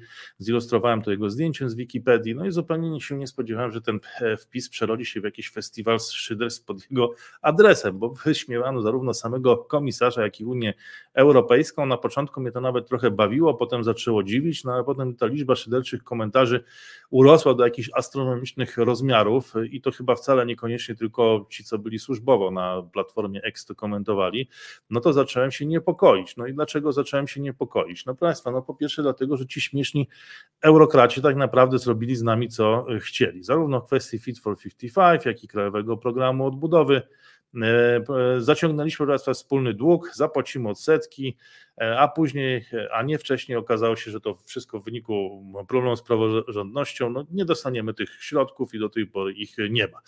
E, mówiąc więc kolokwialnie, po prostu ci eurokraci wytarli nami podłogę i wciągnęli nas nosem i wciąż się z nami bawią w kotka i myszkę. I to i tak, proszę Państwa, to ci śmieszni, pokraczni, odklejeni od rzeczywistości eurokraci. No, a skoro tak, to raczej trzeba by tu zacytować chyba Stanisława Barę, którego niejako, do którego dziedzictwa nawiązuje, tak jak nawiązuje też do dziedzictwa Gomprowicza i Brunona Schulza, do tej tradycji myślenia polskiego nawiązuje, więc zacytujmy Stanisława Barei. Z kogo się śmiejecie? Z kogo się śmiejecie, drodzy rodacy? Śmiejecie się z eurokratów czy z siebie samych? Bo jeżeli się śmiejecie z eurokratów, no to przypominam, że ci eurokraci wytarli nami podłogę i zrobili z nami e, co chcieli. A zwłaszcza ta zabawa w kotka i myszka może trwać dalej, bo Donald Tusk obiecał, że on już pierwszego dnia po wyborach poleci do Brukseli i KPO odblokuje i nic takiego się nie stało. E, potem nazwał to Donald Tusk no, taką, po, można powiedzieć, polityczną metaforą, no ale o tym, jak tą polityczną metaforę definiować, to obawiam się, że to nie on będzie decydował i nie nasz nowy rząd, e, tylko właśnie ci wyśmiewani eurokraci. A nowy rząd no, będzie mógł tylko pokornie spełniać te kamienie milowe i pokornie liczyć na to, że to wystarczy. Może się uda. No, w każdym razie mnie to zupełnie e, nie bawi, więc zadam to pytanie Stanisława Barei, z kogo się śmiejecie drodzy rodacy. Śmiejcie się z Wopke Hekstre, Hestry, unijnego komisarza do spraw klimatu, że to takie śmieszne, że on tam wypowiedział się, powiedział, że E, rozmawia z Chinami, e, powiedziałem, że Chiny pewne rzeczy wykonują źle i dobrze byłoby, gdyby to zmienili. No i tu wielki rechot, a to te Chiny to na pewno już tam wszyscy drżą w Pekinie e, i, i na pewno się do niego zastosują, do tego, co on mówi. Strasznie to jest śmieszne, proszę Państwa, zwłaszcza w kontekście tego, co eurokraci co Komisja Europejska, jak, jak zagrała, jak rozegrała Polskę. No i po drugie, proszę ta powszechna szyderka właśnie wobec eurokratów, moim zdaniem będzie prowadzić, może prowadzić do bardzo toksycznej relacji z Unią Europejską, no bo będąc jej częścią, będziemy, się, będziemy ją wyśmiewać i cieszyć się zawsze, gdy przyjdzie ktoś silniejszy, a to Chiny, tak jak w tym wypadku, a to Indie, a może wjeżdżający na białym koniu Donald Trump, bo ten to już, już w ogóle yy, nie bawi w żadną dyplomację, tylko po prostu wyzywał e, wprost e, e, przywódców europejskich, co w ogóle co się bardzo podobało w Polsce. No i wtedy on będzie robił z tą Unią, czy w ogóle z tymi przywódcami europejskimi to, co ona zrobiła z nami w sprawie KPO, wtedy jak sądzę radości i szyderstwa nie będzie końca, że ktoś wreszcie zrobił porządek z eurokratami i to będzie tak jak wojak Szwejk w cekach monarchii, chociaż on tam został wcielony w wyniku niekoniecznie z własnej woli. No, my teraz mówimy, że też przystąpiliśmy do Unii, która była zupełnie czymś innym, tak jakbyśmy nie wiedzieli, że ta organizacja może ewoluować, może się zmieniać. No dobra, więc będziemy takim wojakiem, tak jak wojak szwajcka monarchii, tak my będziemy w Unii. Będziemy upokarzani w negocjacjach jak dzieci, e, a potem będziemy życzyć wszystkiego najgorszego, wyśmiewać tą Unię, gdy ta nie będzie dawała rady na poziomie globalnym i życzyć jej właśnie wszystkiego najgorszego, właśnie z taką nadzieją skuś baba na dziada, wypra- wypatrujący niepowodzeń i zadowoleni, gdy dyplomatycznie do pionu będą ją właśnie na tej arenie globalnej ustawać inni, czy to Chiny, czy Indie. Pół biedy, jeżeli w ogóle jeszcze Stany Zjednoczone, chociaż no, nie wiadomo jeszcze, czy, czy to będzie Donald Trump. No i Państwa, tkwienie w takiej relacji to ma sens, no bo ja uważam, że to chyba jest pozbawione sensu. No po co z takim nastawieniem w ogóle mamy być w tej Unii, po co po co mamy tam tkwić? Po co się męczyć i zamęczać innych? No rozumiem, że są pewne instytucje w Unii, które działają, to się zastanówmy, jak tą Unię zmienić e, i co tu zrobić, a nie dystansować się od niej, e, być takim wojakiem szwejkiem i, i w tej Unii być i jednocześnie się z niej śmiać. No to, proszę Państwa, no nie wiem, tutaj zarzucacie mi Państwo, że to jest, mam sprany mózg przez, nie wiem, pobyt w Azji Wschodniej, w hierarchicznych społeczeństwach i tak dalej, i tak dalej, ale ja naprawdę tego nie rozumiem. Jeżeli ktoś przystępuje do Unii, no to stara się rozumiem, w tej Unii być e, i dać jakąś jakość, no wypracować jakieś elementy, że coś mu się nie podoba, to stara się to zmienić, a nie dystansuje się od tego, staje z boku i wyśmiewa się i cieszy się, że ktoś po prostu tą Unię batorzy, której sam jest członkiem. No to po co w to człowieku, po co w niej jesteś? To ma, jeżeli, jeżeli moim zdaniem tak, to będzie szło w tym kierunku i część elit politycznych w Polsce też będzie sprzedawała tą narrację, która jak widzę się Polakom bardzo podoba, to proszę Państwa, moim zdaniem to jest toksyczna relacja i błędne koło w relacjach z Unią. Bardzo to będzie szkodliwe, bo powiedzmy sobie też po no tak last but not least, tak, z tradycyjnym językiem polskim, że taka szyderka i zabawa wojaka szwejka nie doda nam powagi, nie zapewni nam w poważnych stolicach pozaeuropejskich, takich jak New Delhi, Riyadh e, czy Pekin, e, szacunku. Nikt nie będzie się z nami liczył, będą po prostu się pukać w czoło, że jesteście ludzie nienormalni, e, żadnego szacunku. Skoro wam tak źle, to po co w tej Unii jesteście? E, po co w niej jesteście? Zgadzacie się na wszystko, zgadzacie się na KPO, zgadzacie się na Fit for 55, inne wspólne projekty, a potem odreagowujecie te niepowodzenia szyderstwami, e, kiedy ta Unia Europejska, w której wy jesteście, jesteście członkami jej, e, ona dostaje baty, rzeczywiście czasami jest bezlitośnie punktowana na arenie międzynarodowej, czy na tej arenie globalnej i to nie jest przepis na szacunek, tylko raczej na wzgardę. Mnie to nie bawi, proszę Państwa, i uważam, że powinniśmy wymyślić coś innego, bo to droga donikąd. To nic nie da, ja wiem, nie jestem, tak mi się wydaje, że chyba aż taki głupi nie jestem, żebym wierzył w to, że to coś zmieni tego typu apel, bo jednak pokusa wygrywania łatwych punktów sondażowych będzie zbyt duża i będzie się tego typu historie sprzedawać, ale jest to droga donikąd, jest to jest to toksyczne, jest to przeciwskuteczne. Tak uważam. I z tym doświadczeniem chciałem się e, z Państwem, e, z państwem podzielić. No i teraz mamy drugą, kolejna kwestia, która troszkę mam wrażenie idzie na przekór polskim schematom myślowym, więc to też może boleć, to też może boleć, to też jest dla ludzi o mocnych nerwach. E, tutaj e, też na własną odpowiedzialność Państwo wysłuchacie tego wątku. No, proszę Państwa, tak się składa, że dzisiaj Chiny mm, są już państwem konserwatywnym, w przeciwieństwie do Polski, no, która stała się już teraz, można powiedzieć, takim krajem zachodnio-liberalnym po 15 października. Tak uważam. No, wszyscy mówią teraz, że co Pan opowiada, Panie Radku, w Polsce to każdy sam decyduje, w Polsce jest 40 milionów wizji czy tam 35, czy 37, każdy Polak sam decyduje, nie ma czegoś takiego jak jakiś tam konsensus zachodnioeuropejsko-liberalny, mm, e, który staje się polskim, bo nie ma zasady konsensusu, po prostu każdy sam decyduje, ale padły skandaliczne, skandaliczne to może nie, ale zapewne zabawne. Moim zdaniem, to w Polsce to uwielbiamy tak śmieszkować, bo no Chiny, tego typu kraje, nawet nie tylko Chiny, mam wrażenie, że także Francja, Niemcy, no one albo traktowane są z jakąś śmiertelną powagą, czyli y, no, tam są po prostu spełnieniem wszystkich najgorszych koszmarów, albo są traktowane tak zupełnie niepoważnie, takie heheszki, właśnie prześmiewcze historie, śmiejemy się po prostu z nich. No.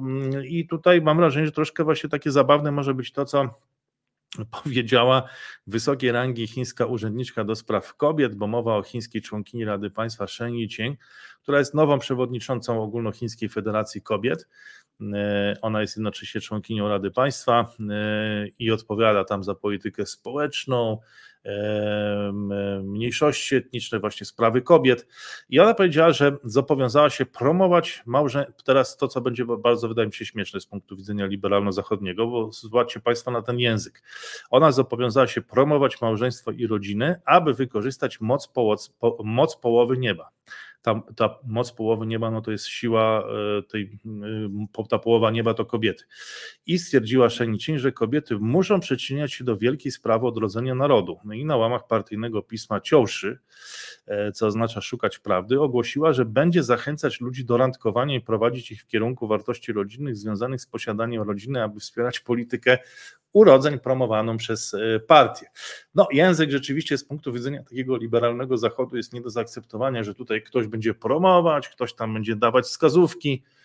No, Państwa, no w liberalnym społeczeństwie to każdy sam sobie decyduje, czy tam chce randkować, czy nie chce randkować, chce mieć dzieci, czy nie chce mieć dzieci i tak dalej. Więc no w tym sensie to oczywiście myślę, że na pewno będzie w Polsce wyśmiewane, a zwłaszcza teraz, kiedy już jesteśmy w tym konsensusie liberalno-zachodnim, ale chciałem zwrócić uwagę, że dzisiaj właśnie konserwatywne stają się dosyć Chiny, które też mają pewne problemy, e, wynikają, czy znaczy problemy, no problemy w tym, z implementowaniem tego konserwatyzmu, w tym sensie mają problemy, bo społeczeństwo się bogaci mm, e, i, mm, e, no i Chinki, nie wiem, no, już niezależnie od tego, jakie tutaj wzorce im proponuje kultura czy otoczenie, no troszkę inaczej zaczynają sobie to wszystko kalkulować. I to jest bardzo duży problem zawsze w Azji, że kiedy te społeczeństwa się bogaciły, znaczy problem z punktu widzenia właśnie implementacji czy utrzymywania konserwatywnych wartości, e, to, e, to, to natrafiało, no gdzieś tam te, mm, te, ta wizja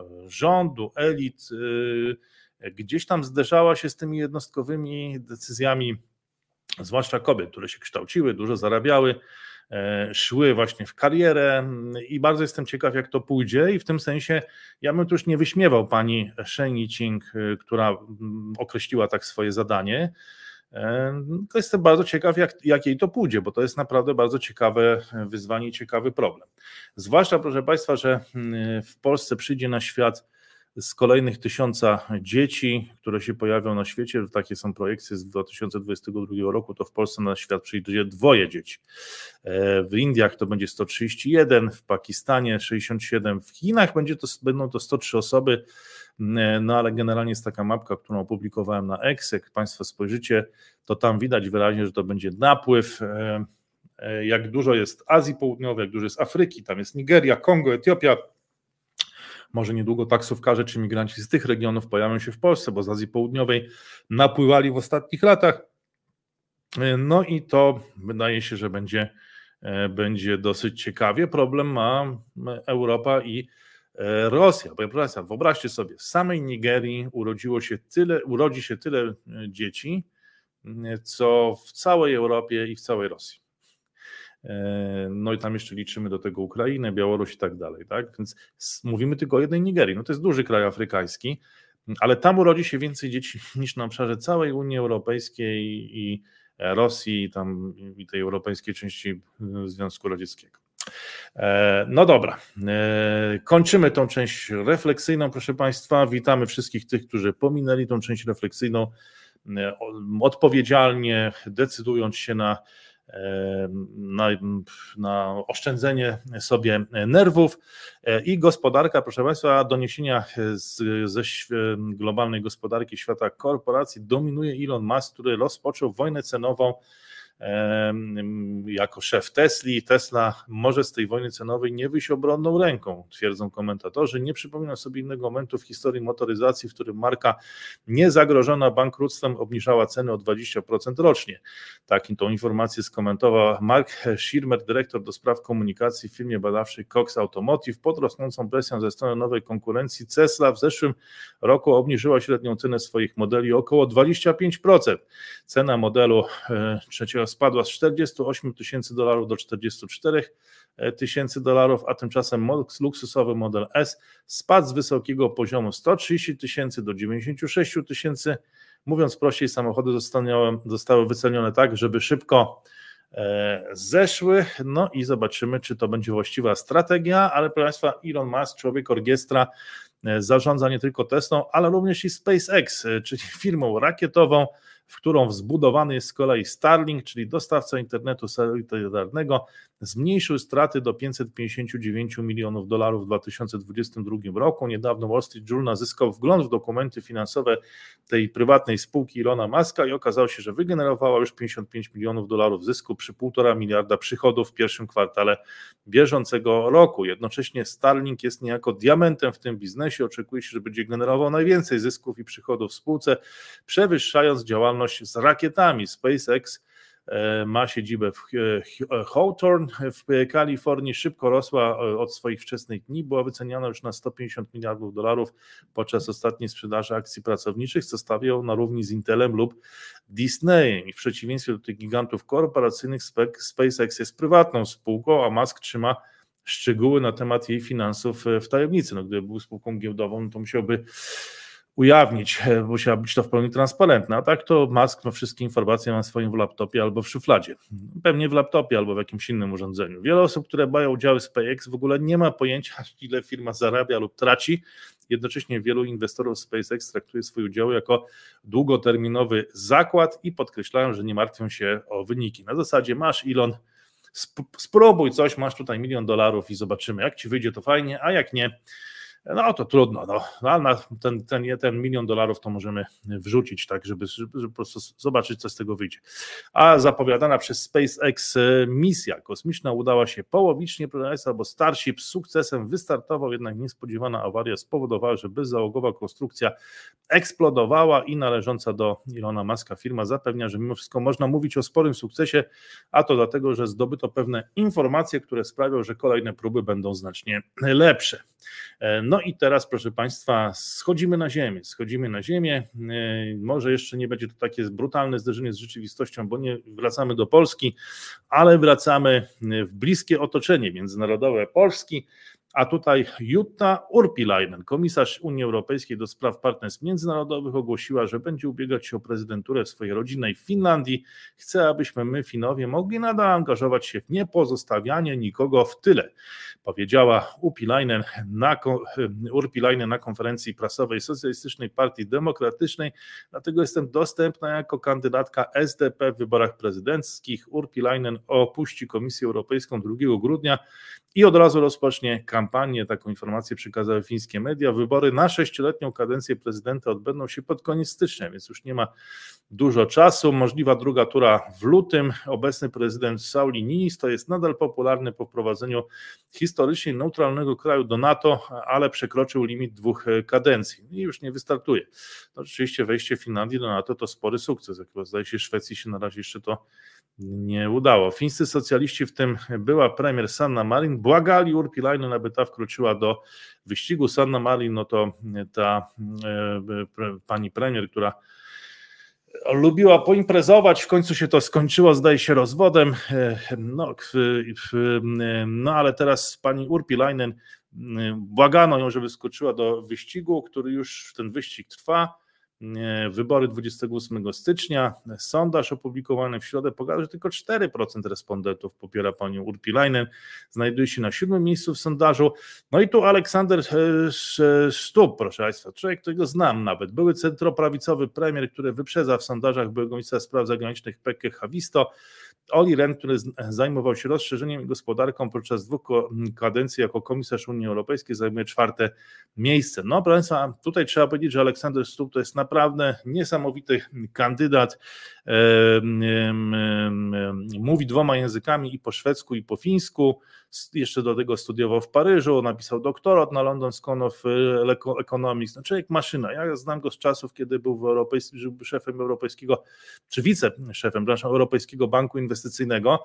Niesamowicie planował logistykę, potrafił w ciągu jednego dnia przylecieć samolotami w różne miejsca E, Europy i kilkakrotnie osobiście wystąpić e, nawet. Tak dokładnie to było wszystko zaplanowane e, i no i przyznam szczerze, że to może być naprawdę niesamowity kandydat, bo człowiek maszyna, no, który dokonywał takie rzeczy, że wszystkim się wydawało, że to jest po prostu niemożliwe, a on to dowoził, on to robił. No, w czegoś takiego przyznam szczerze, że no jakbym tego nie, nie widział czasami troszkę na własne oczy, no nie chcę tutaj stwarzać jakiejś takiej, roztaczać aury, że to byliśmy po prostu jakimiś kolegami, tylko gdzieś tam no było to widoczne, że, że po prostu on to robi e, i, i rzeczywiście to się dzieje.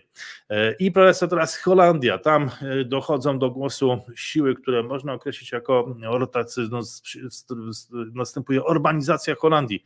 Holandia musi zajmować ostrzejsze stanowisko w Unii Europejskiej, podobnie jak Polska i Węgry, uważa Peter OMCIKT. No, czy Polska będzie takie zajmować ostrzejsze? Chyba już nie, już chyba nie ma mandatu społecznego do tego. Polacy zagłosowali chyba za czymś innym. Natomiast Peter Omcik, lider partii Nowa Umowa Społeczna w Holandii, tak uważa, że to powinna robić Holandia. Ugrupowanie Omciga ma szansę na zwycięstwo w zaplanowanych na środę wyborach parlamentarnych. Omcik jest najpopularniejszym holenderskim politykiem. Niedawno założył partię, która według sondaży ma szansę na zwycięstwo w środę. W, w środę, w czasie środowych, w środowych wyboru, wyborów, e, podczas niedzielnej debaty liderów powiedział, że w sprawie przyjęcia nowych do Unii Europejskiej, między innymi Ukrainy, powinno odbyć się referendum. No ciekawa sprawa, może nie tylko już Polska odpada, ale jest Słowacja, są Węgry i może za chwilę jeszcze będą Niderlandy jako taka partia, e, jako taki kraj proorbanowski właśnie E, prezentujący mniej podobny program. Zobaczymy, przyjrzę się bliżej temu grupowaniu i zobaczymy, co tam się w środę w Holandii wydarzy, a może Państwo to skomentujecie, bo przecież też jest wielu widzów tego kanału, którzy mieszkają w Holandii. Co najmniej pięć osób aresztowanych w sobotę podczas protestu e, propalestyńskiego na stacji kolejowej w Londynie. Policja usunęła manifestantów z dworca, część z nich przyszła zaś pod most Westminster Bridge, a następnie na Parliament Square przy placu westminsterskim poinformowała londyńska policja. Około 100 osób osób zebrało się w centralnej stacji kolejowej Waterloo w Londynie, domagając się zawieszenia broni w gazie. Izrael atakuje cele Hamasu po tym, jak organizacja terrorystyczna uderzyła ten kraj 7 października. Demonstranci skandowali od rzeki do morza Palestyna będzie wolna, co niektórzy uważają za hasła antysemickie i wzywanie do wykorzenienia Izraela. Ruch pociągów jednak nie został zakłócony. E, e, no i proszę Państwa, teraz okazuje się, że jakaś e, grupa członków komórki terrorystycznej miała przedostać się do Wielkiej Brytanii przez kanał La Manche wraz z nielegalnymi imigrantami. Jest teraz poszukiwana przez brytyjskie służby. Taką informację ujawnił w niedzielę Sunday Express. Jak podaje niedzielne wydanie gazety Daily Express, z kolei sześcioosobowa grupa ma związki z islamistyczną organizacją, jak się uważa, jest wspierana przez Iran. Wszyscy mieli przedostać się do UK kilka tygodni temu, po tym, gdy przybyli z Syrii przez Europę do północnej Francji, po czym służby specjalne monitorują ruch trzech z nich, ale pozostali trzej, prawdopodobnie posługujący się fałszywymi dokumentami, rozpłynęli się i zniknęli.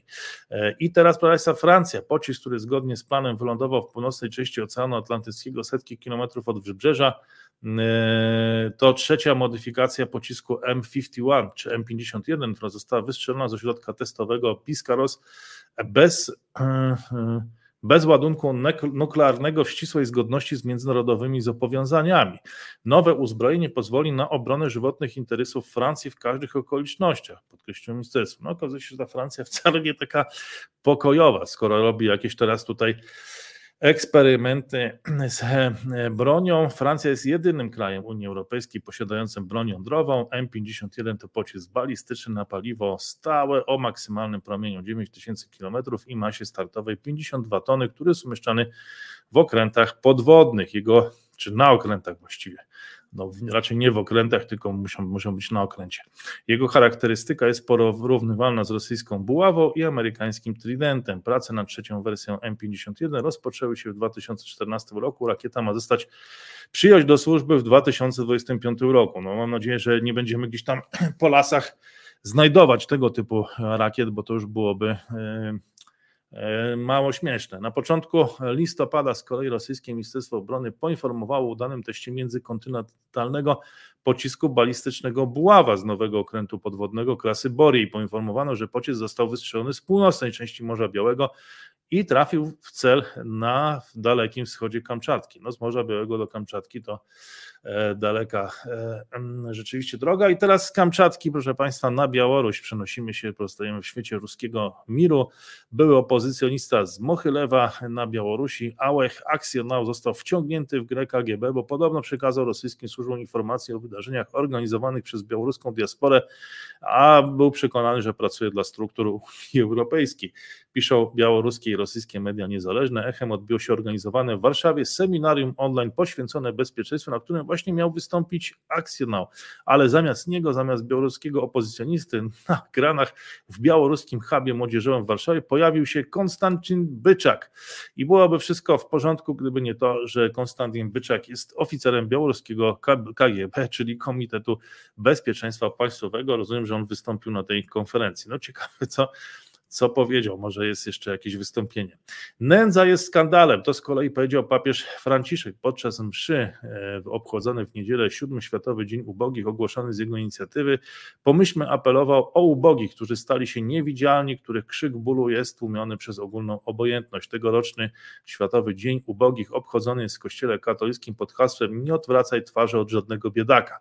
W homilii w Bazylice Świętego Piotra papież mówił, że Jezus otrzymał wszystko z rąk Ojca, ale nie otrzymał tego bogactwa dla siebie, nie skorzystał ze sposobności, aby na równi być z Bogiem, lecz ogołocił samego siebie, przyjąwszy powstać sługi, przyoblek się w nasze kruche człowieczeństwo, ukoił nasze rany, jako dobry Samarytanin stał się ubogim. No, jak rozumiem, to powinno gdzieś tam wpisywać się w ten pontyfikat papieża Franciszka, który no, od samego początku zalecał, zalecał skromność taką w obejściu też i proszę Państwa, teraz Ukraina. E, teraz Ukraina. Tam bardzo krytyczna e, sytuacja. Według ukraińskiego eksperta wojskowego rozpoczęła się trzecia fala szturmu Rosjan na Awdijiwkę. E, czarna ziemia Donbasu wchłania rosyjski sprzęt jak płynny beton, ale stworzyli dla siebie nową taktykę, mówi Roman Switan w rozmowie z portalem Union. Zwraca uwagę, że kluczową rolę odgrywa obecnie artyleria. W opinii ukraińskiego eksperta trzecia fala ataku na Awdijiwkę trwa co najmniej od tygodnia. Jego zdaniem Rosja ma problem z wykorzystaniem swoich rezerw ze względu na porę deszczową. To jest Donbas, gdzie na mokrej ziemi jest ponad pół metra czarnej ziemi. To praktycznie płynny beton, który nie pozwoli na przyjazd sprzętu w żadnej formie, powiedział. Przekazał, że w związku z tym Rosjanie zdecydowali się na nową taktykę, która polega na tym, że pojazdy z dużej odległości lub z utwardzonych dróg osłaniają piechotę, jednak coraz częściej zamiast pojazdów na kołach do walki wkracza artyleria. Switan ocenił, że zwykłe jednostki artyleryjskie nie są liczone. Jeden pluton składa się z 30 osób, takich fal ma być jednak dużo, nawet kilkadziesiąt dziennie. Oni giną, na pewno odchodzą, ale kolejne fale się nie zatrzymują. Jest bowiem harmonogram, jest on podobny do tego, który Rosja stosowała w rejonie Bachmutu. Wówczas również przerzucała siłę roboczą na nasze pozycje, powiedział Switan. Rosyjskie wojska w piątek kontynuowały działania ofensywne pod Awdijiwką e, i poczyniły postępy, pisze z kolei w najnowszej analizie amerykański think tank Instytut Studiów nad Wojną i potwierdza też m.in. przesunięcie ukraińskich sił pod Bachmutem. Armia Rosji przesunęła się nieznacznie w strefie przemysłowej na południowy wschód od Awdijiwki, wynika z materiałów Instytutu Studiów nad Wojną. Działania ofensywne prowadzono też pod Bachmutem i na linii Kupian-Swatowe-Kreminna. Rosyjskie wojska kontynuowały też piątek ofensywę na zachód i południowy zachód od Donicka, ale nie poczyniły postępów.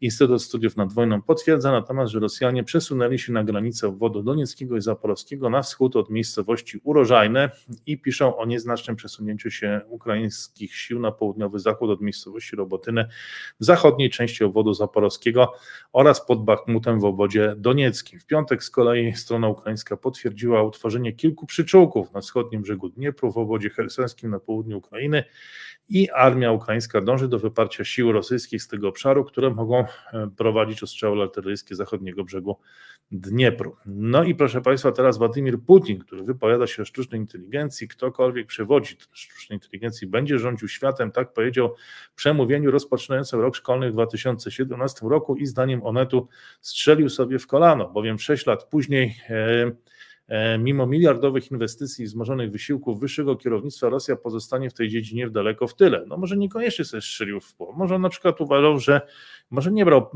pod uwagę w ogóle Rosji. No może stwierdził, że, że ten, kto nie wiem, osiągnie przewagę w AI, no to będzie rządził światem, ale może niekoniecznie myślał o Rosji, może w ogóle nie brał tego pod uwagę, no może myślał na przykład o Chinach e, albo o Stanach Zjednoczonych.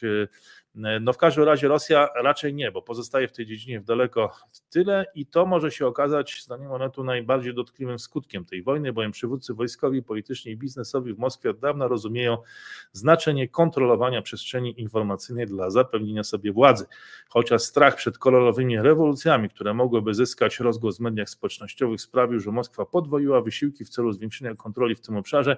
Dziś jest jasne, że nie ma na to szans w obliczu przeciwności związanych z naturą generatywnej sztucznej inteligencji, jak i głębokich ran, które sama sobie zadała, wywołując wojnę w Ukrainie, zdolność Rosji do przejęcia przywództwa w tej dziedzinie gwałtownie maleje. Rosyjscy przywódcy byli zaskoczeni tak dynamicznym rozwojem mediów społecznościowych. Skalę potencjalnych zagrożeń związanych z rozwijającą się technologią zrozumieli dopiero dosadnie po wybuchu tak zwanej twitterowej rewolucji w Kiszyniowie, kiedy to protesty zorganizowane częściowo w amerykańskich mediach społecznościowych uniemożliwiły Mołdawskiej Partii Komunistycznej wygranie wyborów w 2009 roku.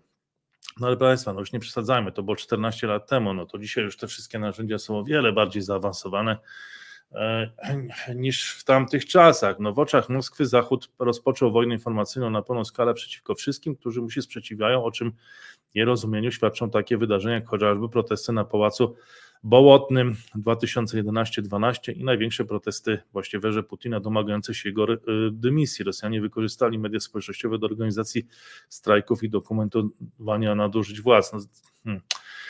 no, wydaje mi się, że to już yy, dzisiaj trochę inaczej to już wszystko wygląda. E, i podawanie tych przykładów sprzed kilkunastu lat, no przyznam szczerze, troszkę jestem tym zaniepokojony. No ale dobra, w Rosji tymczasem staje pierwszy pomnik Prigorzyna e, i proszę Państwa w okolicach Tweru to specjalny obelisk, e, który właśnie upamiętnia śmierć w katastrofie lotniczej założyciela grupy Wagnera. Z napisu dowiadujemy się, że Tutaj leży obrońca Rosji, tutaj zginął rosyjski bogatyr i wielki dowódca, twórca i przywódca najsilniejszej armii na świecie. Taki napis pojawił się na tym obelisku, dotarł do tego portal Bielsat i z informacji portalu wynika, że w miejscu katastrofy lotniczej yy, w której zginął właśnie szef grupy Wagnera oraz krąg najbardziej zaufanych współpracowników, posadowiony ze stałkami i specjalna tablica informacyjna oraz flaga jego organizacji, to prawdopodobnie być może jacyś zwolennicy czy członkowie grupy Wagnera ten obelisk postawili, bo tam jest wiele symboli związanych z tą grupą. W inskrypcji wykorzystano też rosyjskie słowo bogatyr, które oznacza takiego średniowiecznego rycerza z elitarnych formacji w mitologii ruskiej to jest odpowiednik rycerza na białym koniu, troszkę takiego Don Quixota, ale także no, wojownika o naduskiej sile, odwadze i męskie który w tej mitologii ruskiej no, bronił Ruś przed wrogami no, i tak został e, upamiętniony na tym obelisku Jewgeni Prigorzyn. Nie wiem, co Państwo o tym e, sądzicie, a Rosja już drugą noc z rzędu przeprowadza e, falami ataki dronowe na Kijów i po kilku tygodniach przerwy intensyfikuje ataki na stolicę Ukrainy, podała w niedzielę administracja wojskowa. Miasta bezzałogowe statki powietrzne wroga zostały wystrzelone w wielu grupach i falami zaatakowały Kijów z różnych kierunków, jednocześnie stale zmieniając wektory ruchu na trasie, napisał szef kijowskiej administracji Sierhi Popko na telegramie. Dlatego w stolicy kilkakrotnie ogłaszano alarmy przeciwlotnicze. Popko napisał, że według wstępnych informacji ukraińskie systemy obrony powietrznej uderzyły w blisko 10 irańskich dronów szachet kamikadze w Kijowie i na jego obrzeżach. Nie ma wstępnych doniesień o krytycznych szkodach ani ofiarach.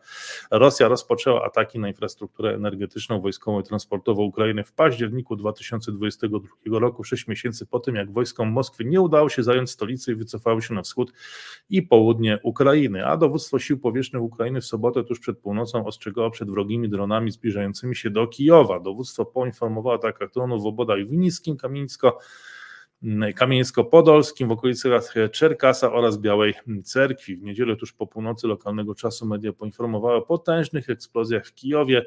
W sobotę wieczorem kanały Telegramu alarmowały, że tej nocy stolica będzie głównym celem rosyjskiego ataku dronów w obwodach Dniepropietrowskim, Donieckim, Zaporowskim i Charkowskim. Ogłoszono alert powietrzny. Na wschodzie Ukrainy grozi niebezpieczeństwo ataku rakietowego, groźba użycia przez wroga broni balistycznej. Informowały siły powietrzne w niedzielę tuż po północy, ogłaszając alarm przeciwrakietowy. Grupa wrogich bezzałogowych statków powietrznych zbliża się w rejon Tarnopola. No i proszę Państwa, kanclerz Niemiec Olaf Scholz to da prawdopodobnie pretekst do tego, żeby znowu wyśmiewać kanclerza Scholza w Polsce, e, bo to jest chyba nasze jakieś ulubiona dyscyplina sportu, mam wrażenie, bo kanclerz Scholz zapowiedział, że chce zakończyć trwającą rok ciszę na łączach telefonicznych z prezydentem Rosji Władimirem Putinem i chce z nim rozmawiać. Będę z nim rozmawiał, powiedział Scholz. No i już teraz widzę tą wzrastającą falę oburzenia w Polsce. Jakbyśmy, proszę Państwa, tego się nie mogli domyśleć. Ja nie wiem, no to jest po prostu coś nieprawdopodobnego. Sensacja, po prostu nikt się tego nie był w stanie domyśleć, mm, że no tutaj, że do czegoś takiego może, albo w ogóle jak oni śmią rozmawiać. E, no nie wiem, nie wiem, co tu Niemcy powinni zrobić. Po prostu pozbyć się w ogóle całego uzbrojenia, wszystko przekazać e, Ukrainie i liczyć na to, że to się dobrze skończy. A tymczasem Scholz chce rozmawiać, więc to wzbudzi wściekłość w Polsce, jestem o tym przekonany.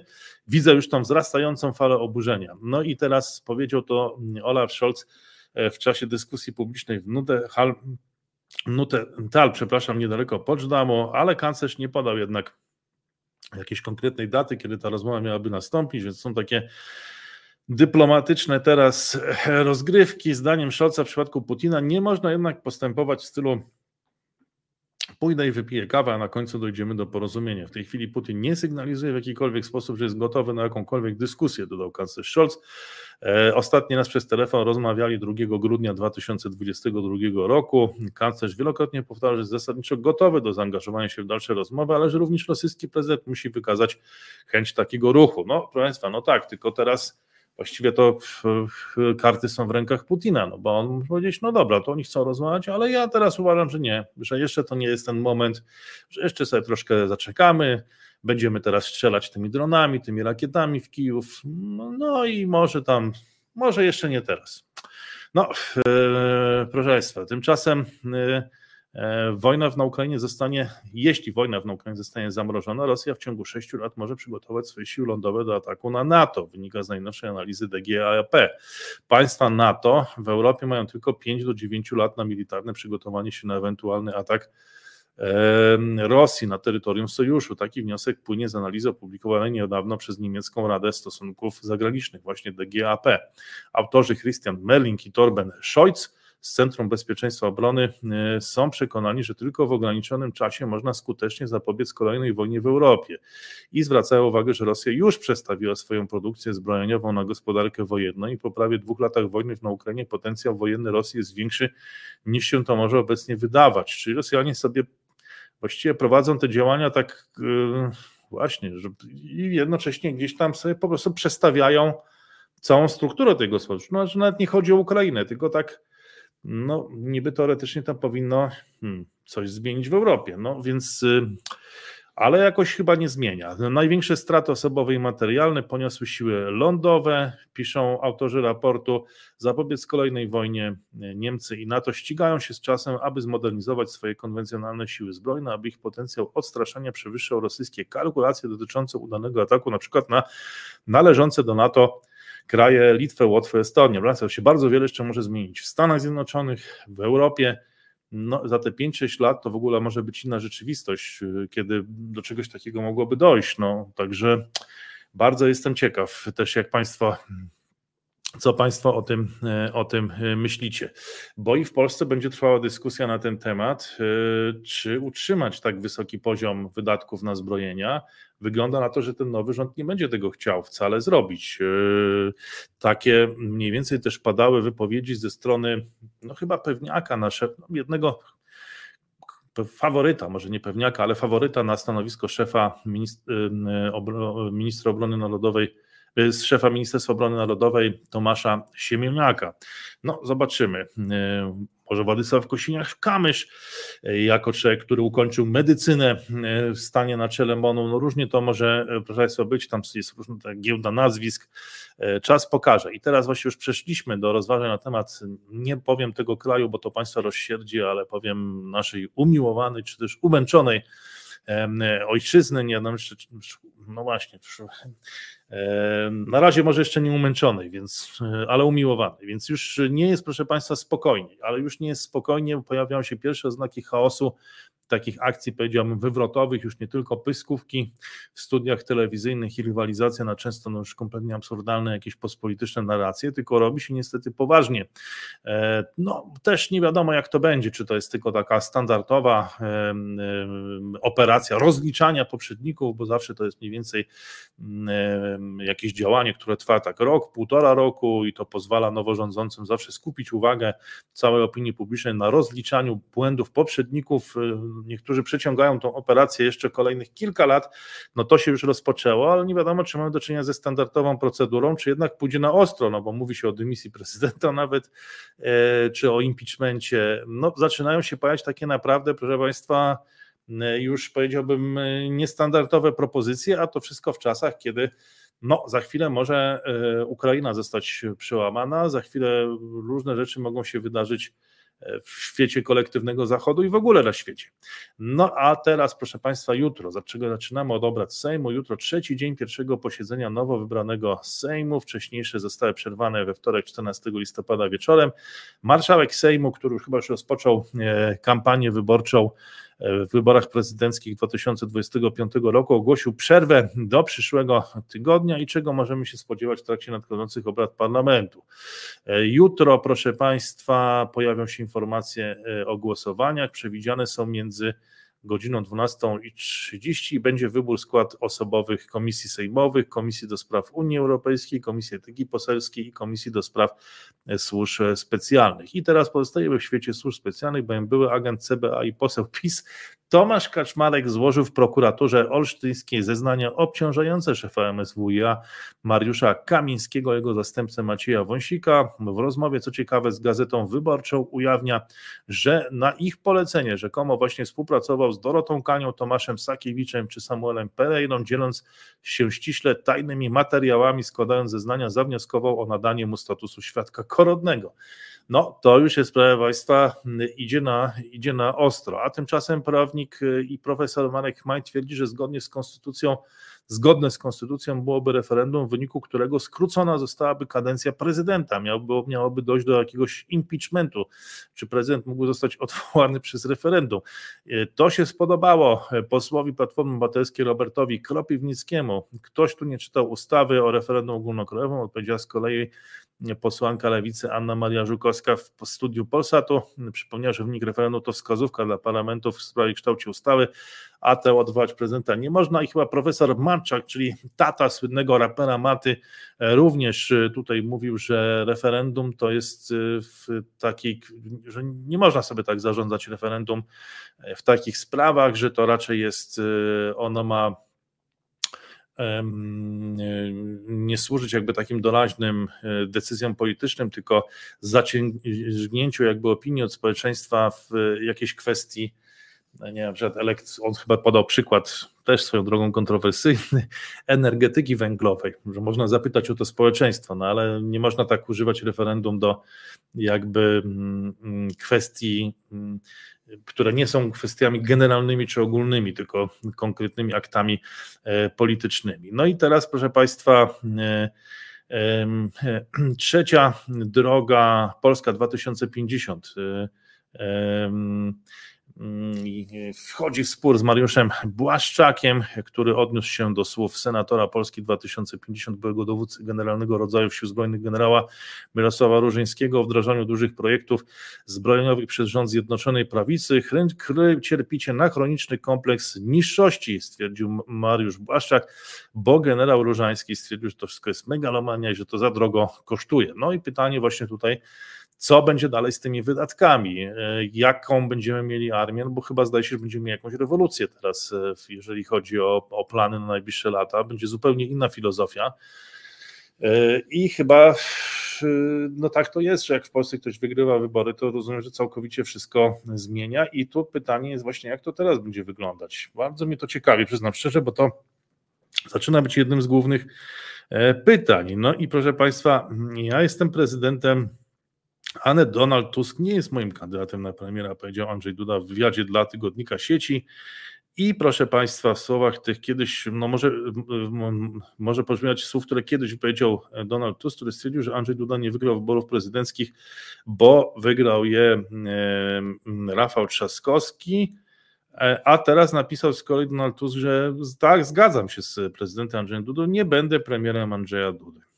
E, no, mm, sytuacja, w której PiS, e, największy klub parlamentarny, nie ma swoich przedstawicieli we władzach Sejmu i Senatu, nie ma nic wspólnego z zasadami demokracji, realizowana jest specyficzna forma odwetu. To także powiedział Andrzej Duda w tym wywiadzie dla sieci. Dlatego właśnie się tak zastanawiałem, czy nie było bardziej dolegliwe, gdyby e, na wicemarszałka Senatu powołano Marka Pęka, gdyby tutaj Koalicja Obywatelska głosowała za, a w przypadku Elżbiety Witek przeciw, bo tak to po prostu wycięli wszystkich z PiSu, no i pokazali, że jeżeli ktoś jest z PiSu, to, to nie może zostać wicemarszałkiem. Teraz zdaje się, że wrócono do tej koncepcji, tam zdaje się, że Lewica chyba e, chce głosować razem z PiSem e, nad powołaniem wicemarszałka Senatu ale może sam PiS nie zagłosuje, bo powie, no nie no, niech sytuacja będzie jasna, no jesteśmy teraz po prostu tą okop, za okopami Świętej Trójcy, no bronimy e, się przed tutaj zmasowanymi atakami wszystkich.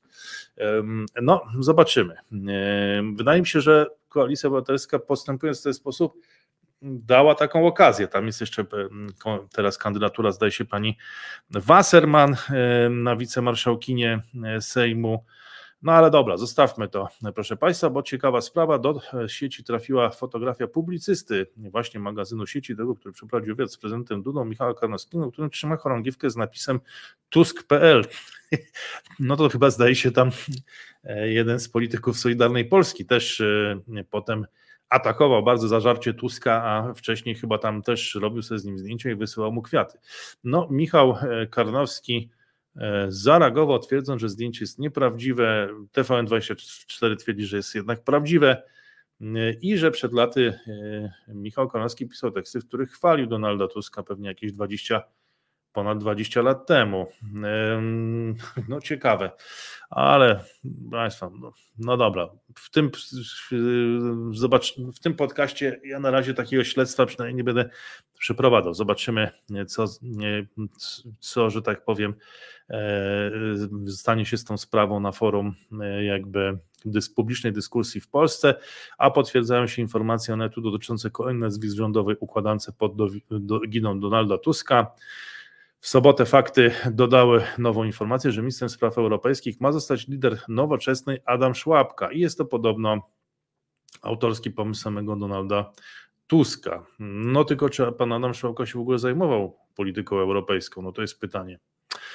Ja jakoś kojarzę go z takich występów gdzieś na korytarzach sejmowych i gdzieś tam z takiej bieżącej polityki, a przecież sprawy z Unią Europejską no jedni powiedzą, że to powinien być absolutny samograj, ale ja uważam, że to chyba tej Polsce XXI wieku, że to chyba jest najważniejsza kwestia. To powinien być ktoś, kto zęby na tym, na tym zjadł. No, ale to przynajmniej chyba jakaś, rozumiem, że, moc, że mocne, mocna pozycja polityczna w ramach koalicji, gdzie jest przecież 11 tych partii, więc ktoś, kto stoi na czele jednej z nich, no tutaj no to, to przynajmniej można powiedzieć, że go tutaj byłaby mocna pozycja polityczna, chociaż no właśnie, no zobaczymy. Może za wcześnie, żeby oceniać. Zakończył się rozpoczęty w piątek pierwszy etap przynoszenia wycofanego ze służby okrętu podwodnego Sokół z PGZ e, Sztoczni Wojennej w Gdyni na wystawę plenerową w Muzeum Marynarki Wojennej w centrum miasta. I to jest, proszę Państwa, pozytywna e, informacja. Ale jeszcze mamy 2,3 miliony Polaków, którzy nie mają domu wyposażonego w łazienkę. Problem dotyczy zwłaszcza niektórych e, obszarów Polski. No, proszę Państwa, 2,3 miliona Polaków nie ma domu wyposażonego w łazienkę. A największy port kontenerowy w Gdańsku yy, każe, ostatnio analizowałem takie dane w Indiach, yy, to byłoby też ciekawe porównać. Jak w różnych tam stanach indyjskich wygląda sytuacja z na przykład z posiadaniem pralki, lodówki, i, i, i, telewizora. A największy port kontenerowy w Gdańsku każe teraz statkom czekać nawet po 10 dni, zanim je rozładuje. To wywołuje efekt domina i w korkach stanęli e, kierowcy oraz pociągi towarowe. Polska potrzebuje nowych terminali. Nowy w Gdańsku, w przyszłości może w Świnoujściu, tak przynajmniej uważają duże firmy z branży logistycznej, wskazują, że wszystkie powstałe przez korki koszty regulują konsumenci w sklepach. Do tego byłaby szansa dla budżetu państwa na pieniądze z ceł i E, VAT. E, no i proszę Boże Narodzenie niedługo, a teraz taki okres właśnie jeszcze Black Friday. Kojarzą się z większą liczbą zamówień, spowodowały, że Amazon wprowadził zmiany, które dotyczą produktów. Klienci będą mieli więcej czasu na zwrot zakupionych produktów, jednak jest haczyk, który ogranicza skorzystanie z tej możliwości. Każdy, kto kupi produkty w okresie od 1 listopada do 31 grudnia, może je zwrócić do 31 stycznia 2024 roku. W przypadku artykułów zakupionych na początku listopada oznacza to dwumiesięczny okres zwrotu, ogłosił Amazon, a komunikat firmy cytuje serwis dla handlu.pl. Decyzja gigantu na pewno jest dobra dla konsumentów, ale ma też jeden warunek: przedmioty muszą być nowe, nieużywane i kompletne. Zasadniczo w przypadku naszej gwarancji zwrotu obowiązują same wyjątki, co w przypadku odstąpienia od umowy. Jeśli więc punkty te nie zostaną spełnione, przedmioty nie zostaną przyjęte. E, no i nadchodzi wyższy VAT na żywność, ale też tańsze paliwo na stacjach benzynowych. Nadchodzą również w końcu unijne pieniądze, ale też podobno unijna procedura nadmiernego deficytu. Możliwe jest też wydłużenie obowiązywania wakacji kredytowych. E, takie doniesienia w Business Insider, a trwający od dwóch tygodni protest na granicy z Ukrainą jeszcze bardziej zwiększy swoją skalę. W środę ma się rozszerzyć na przejście w medyce, podaje Rzeczpospolita. Tamtejsze służby traktują nas jak bankomaty, a my tracimy w Polsce rynek. Jak mamy konkurować z ukraińskimi firmami, gdy musimy płacić kierowcy 2,5 tysiąca euro, a ukraińskie firmy płacą 700? E, mówi jeden ze strajkujących w rozmowie z Business Insider. A Polska należy do grona największych światowych producentów serów. Od wejścia do Unii Europejskiej w 2004 roku produkcja serów i twarogów systematycznie rośnie, osiągając w 2022 roku rekordowy poziom 992 tysięcy ton. W tym czasie e, eksport serów wzrósł kilkukrotnie. Ten rok powinien być jeszcze lepszy, jak e, powiedział zastępca dyrektora generalnego Krajowego Ośrodka Wsparcia Rolnictwa, w skrócie KOWR, Marcin Wroński. Początki przemysłowej produkcji serów w naszym kraju datowane są już na połowę XIX wieku i związane z miejscowością Wieprz, nieopodal Żywca, gdzie powstała pierwsza przemysłowa serowarnia, ale faktycznie produkcja serów na większą skalę rozpoczęła się dopiero w okresie powojennym. E, nawet jeśli nie masz, jeśli masz narzędzia, by kogoś awansować, to jeśli nie zapewnisz mu odpowiedniego wsparcia lub motywacji, możliwości zaangażowania, zachęty, to zapomnij o całej sprawie. Tak, trenerka kariery komentuje niechęć pokolenia Z do awansu w firmie. Zetki nie chcą piąć się po korporacyjnych szczeblach, proszę Państwa, wolą równowagę, wsparcie i realistyczną ścieżkę kariery. No kiedyś było tak, że wszyscy bardzo chcieli, nie można było awansować, teraz można awansować, ale nie ma chętnych, jak się okazuje, i kiedyś e, e, szukano stanowisk, na które można było awansować, a teraz szukani są ludzie, którzy mogliby być awansowani na te e, stanowiska. No to są ciekawe rzeczy, proszę Państwa, i ciekawe zmiany. I mamy turystykę zakupową na pograniczu Polski i Czech. Ona przybiera na sile. Coraz liczniej e, sklepy w Polsce odwiedzają nasi południowi sąsiedzi, to ze względu na dużo niższe ceny. I co ciekawe, Czesi na pytanie, co ich najbardziej irytuje podczas takich zakupów, wskazują na to, że są to inni e, Czesi, proszę Państwa. Najbardziej w tych polskich sklepach na południu Polski, to co najbardziej Czechów irytuje, to inni e, Czesi. Proszę Państwa, troszkę się dzisiaj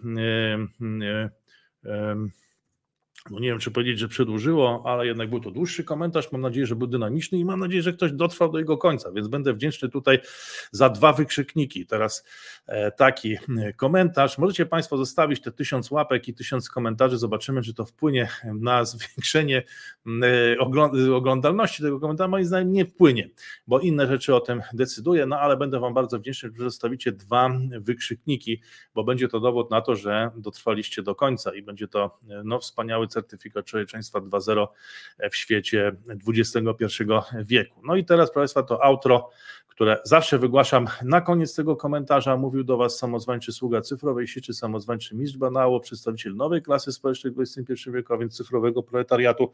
Jeden z ostatnich mohikanów kultury zasobu i skoro już tak się powiedziało, to również spadkobierca tych polskich tradycji Stanisława Barei, Witalda Gobrowicza i Brunana Szulca a także emerytowany ekspert o wąskich horyzontach realizujący marzenia europejskiej młodzieży o byciu youtuberem oraz nieprzejednany orędownik niepodległości umysłowej Polski w XXI wieku.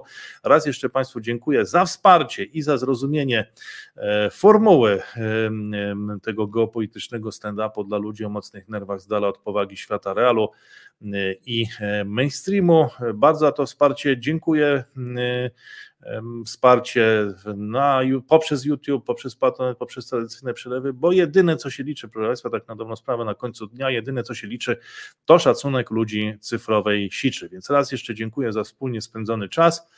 E, proszę Państwa, to był 20 dzień listopada roku pańskiego, roku pamiętnego 2023. Kłaniam się do usług, pozdrawiam i mam nadzieję, że do zobaczenia e, wkrótce. Wszystkiego dobrego.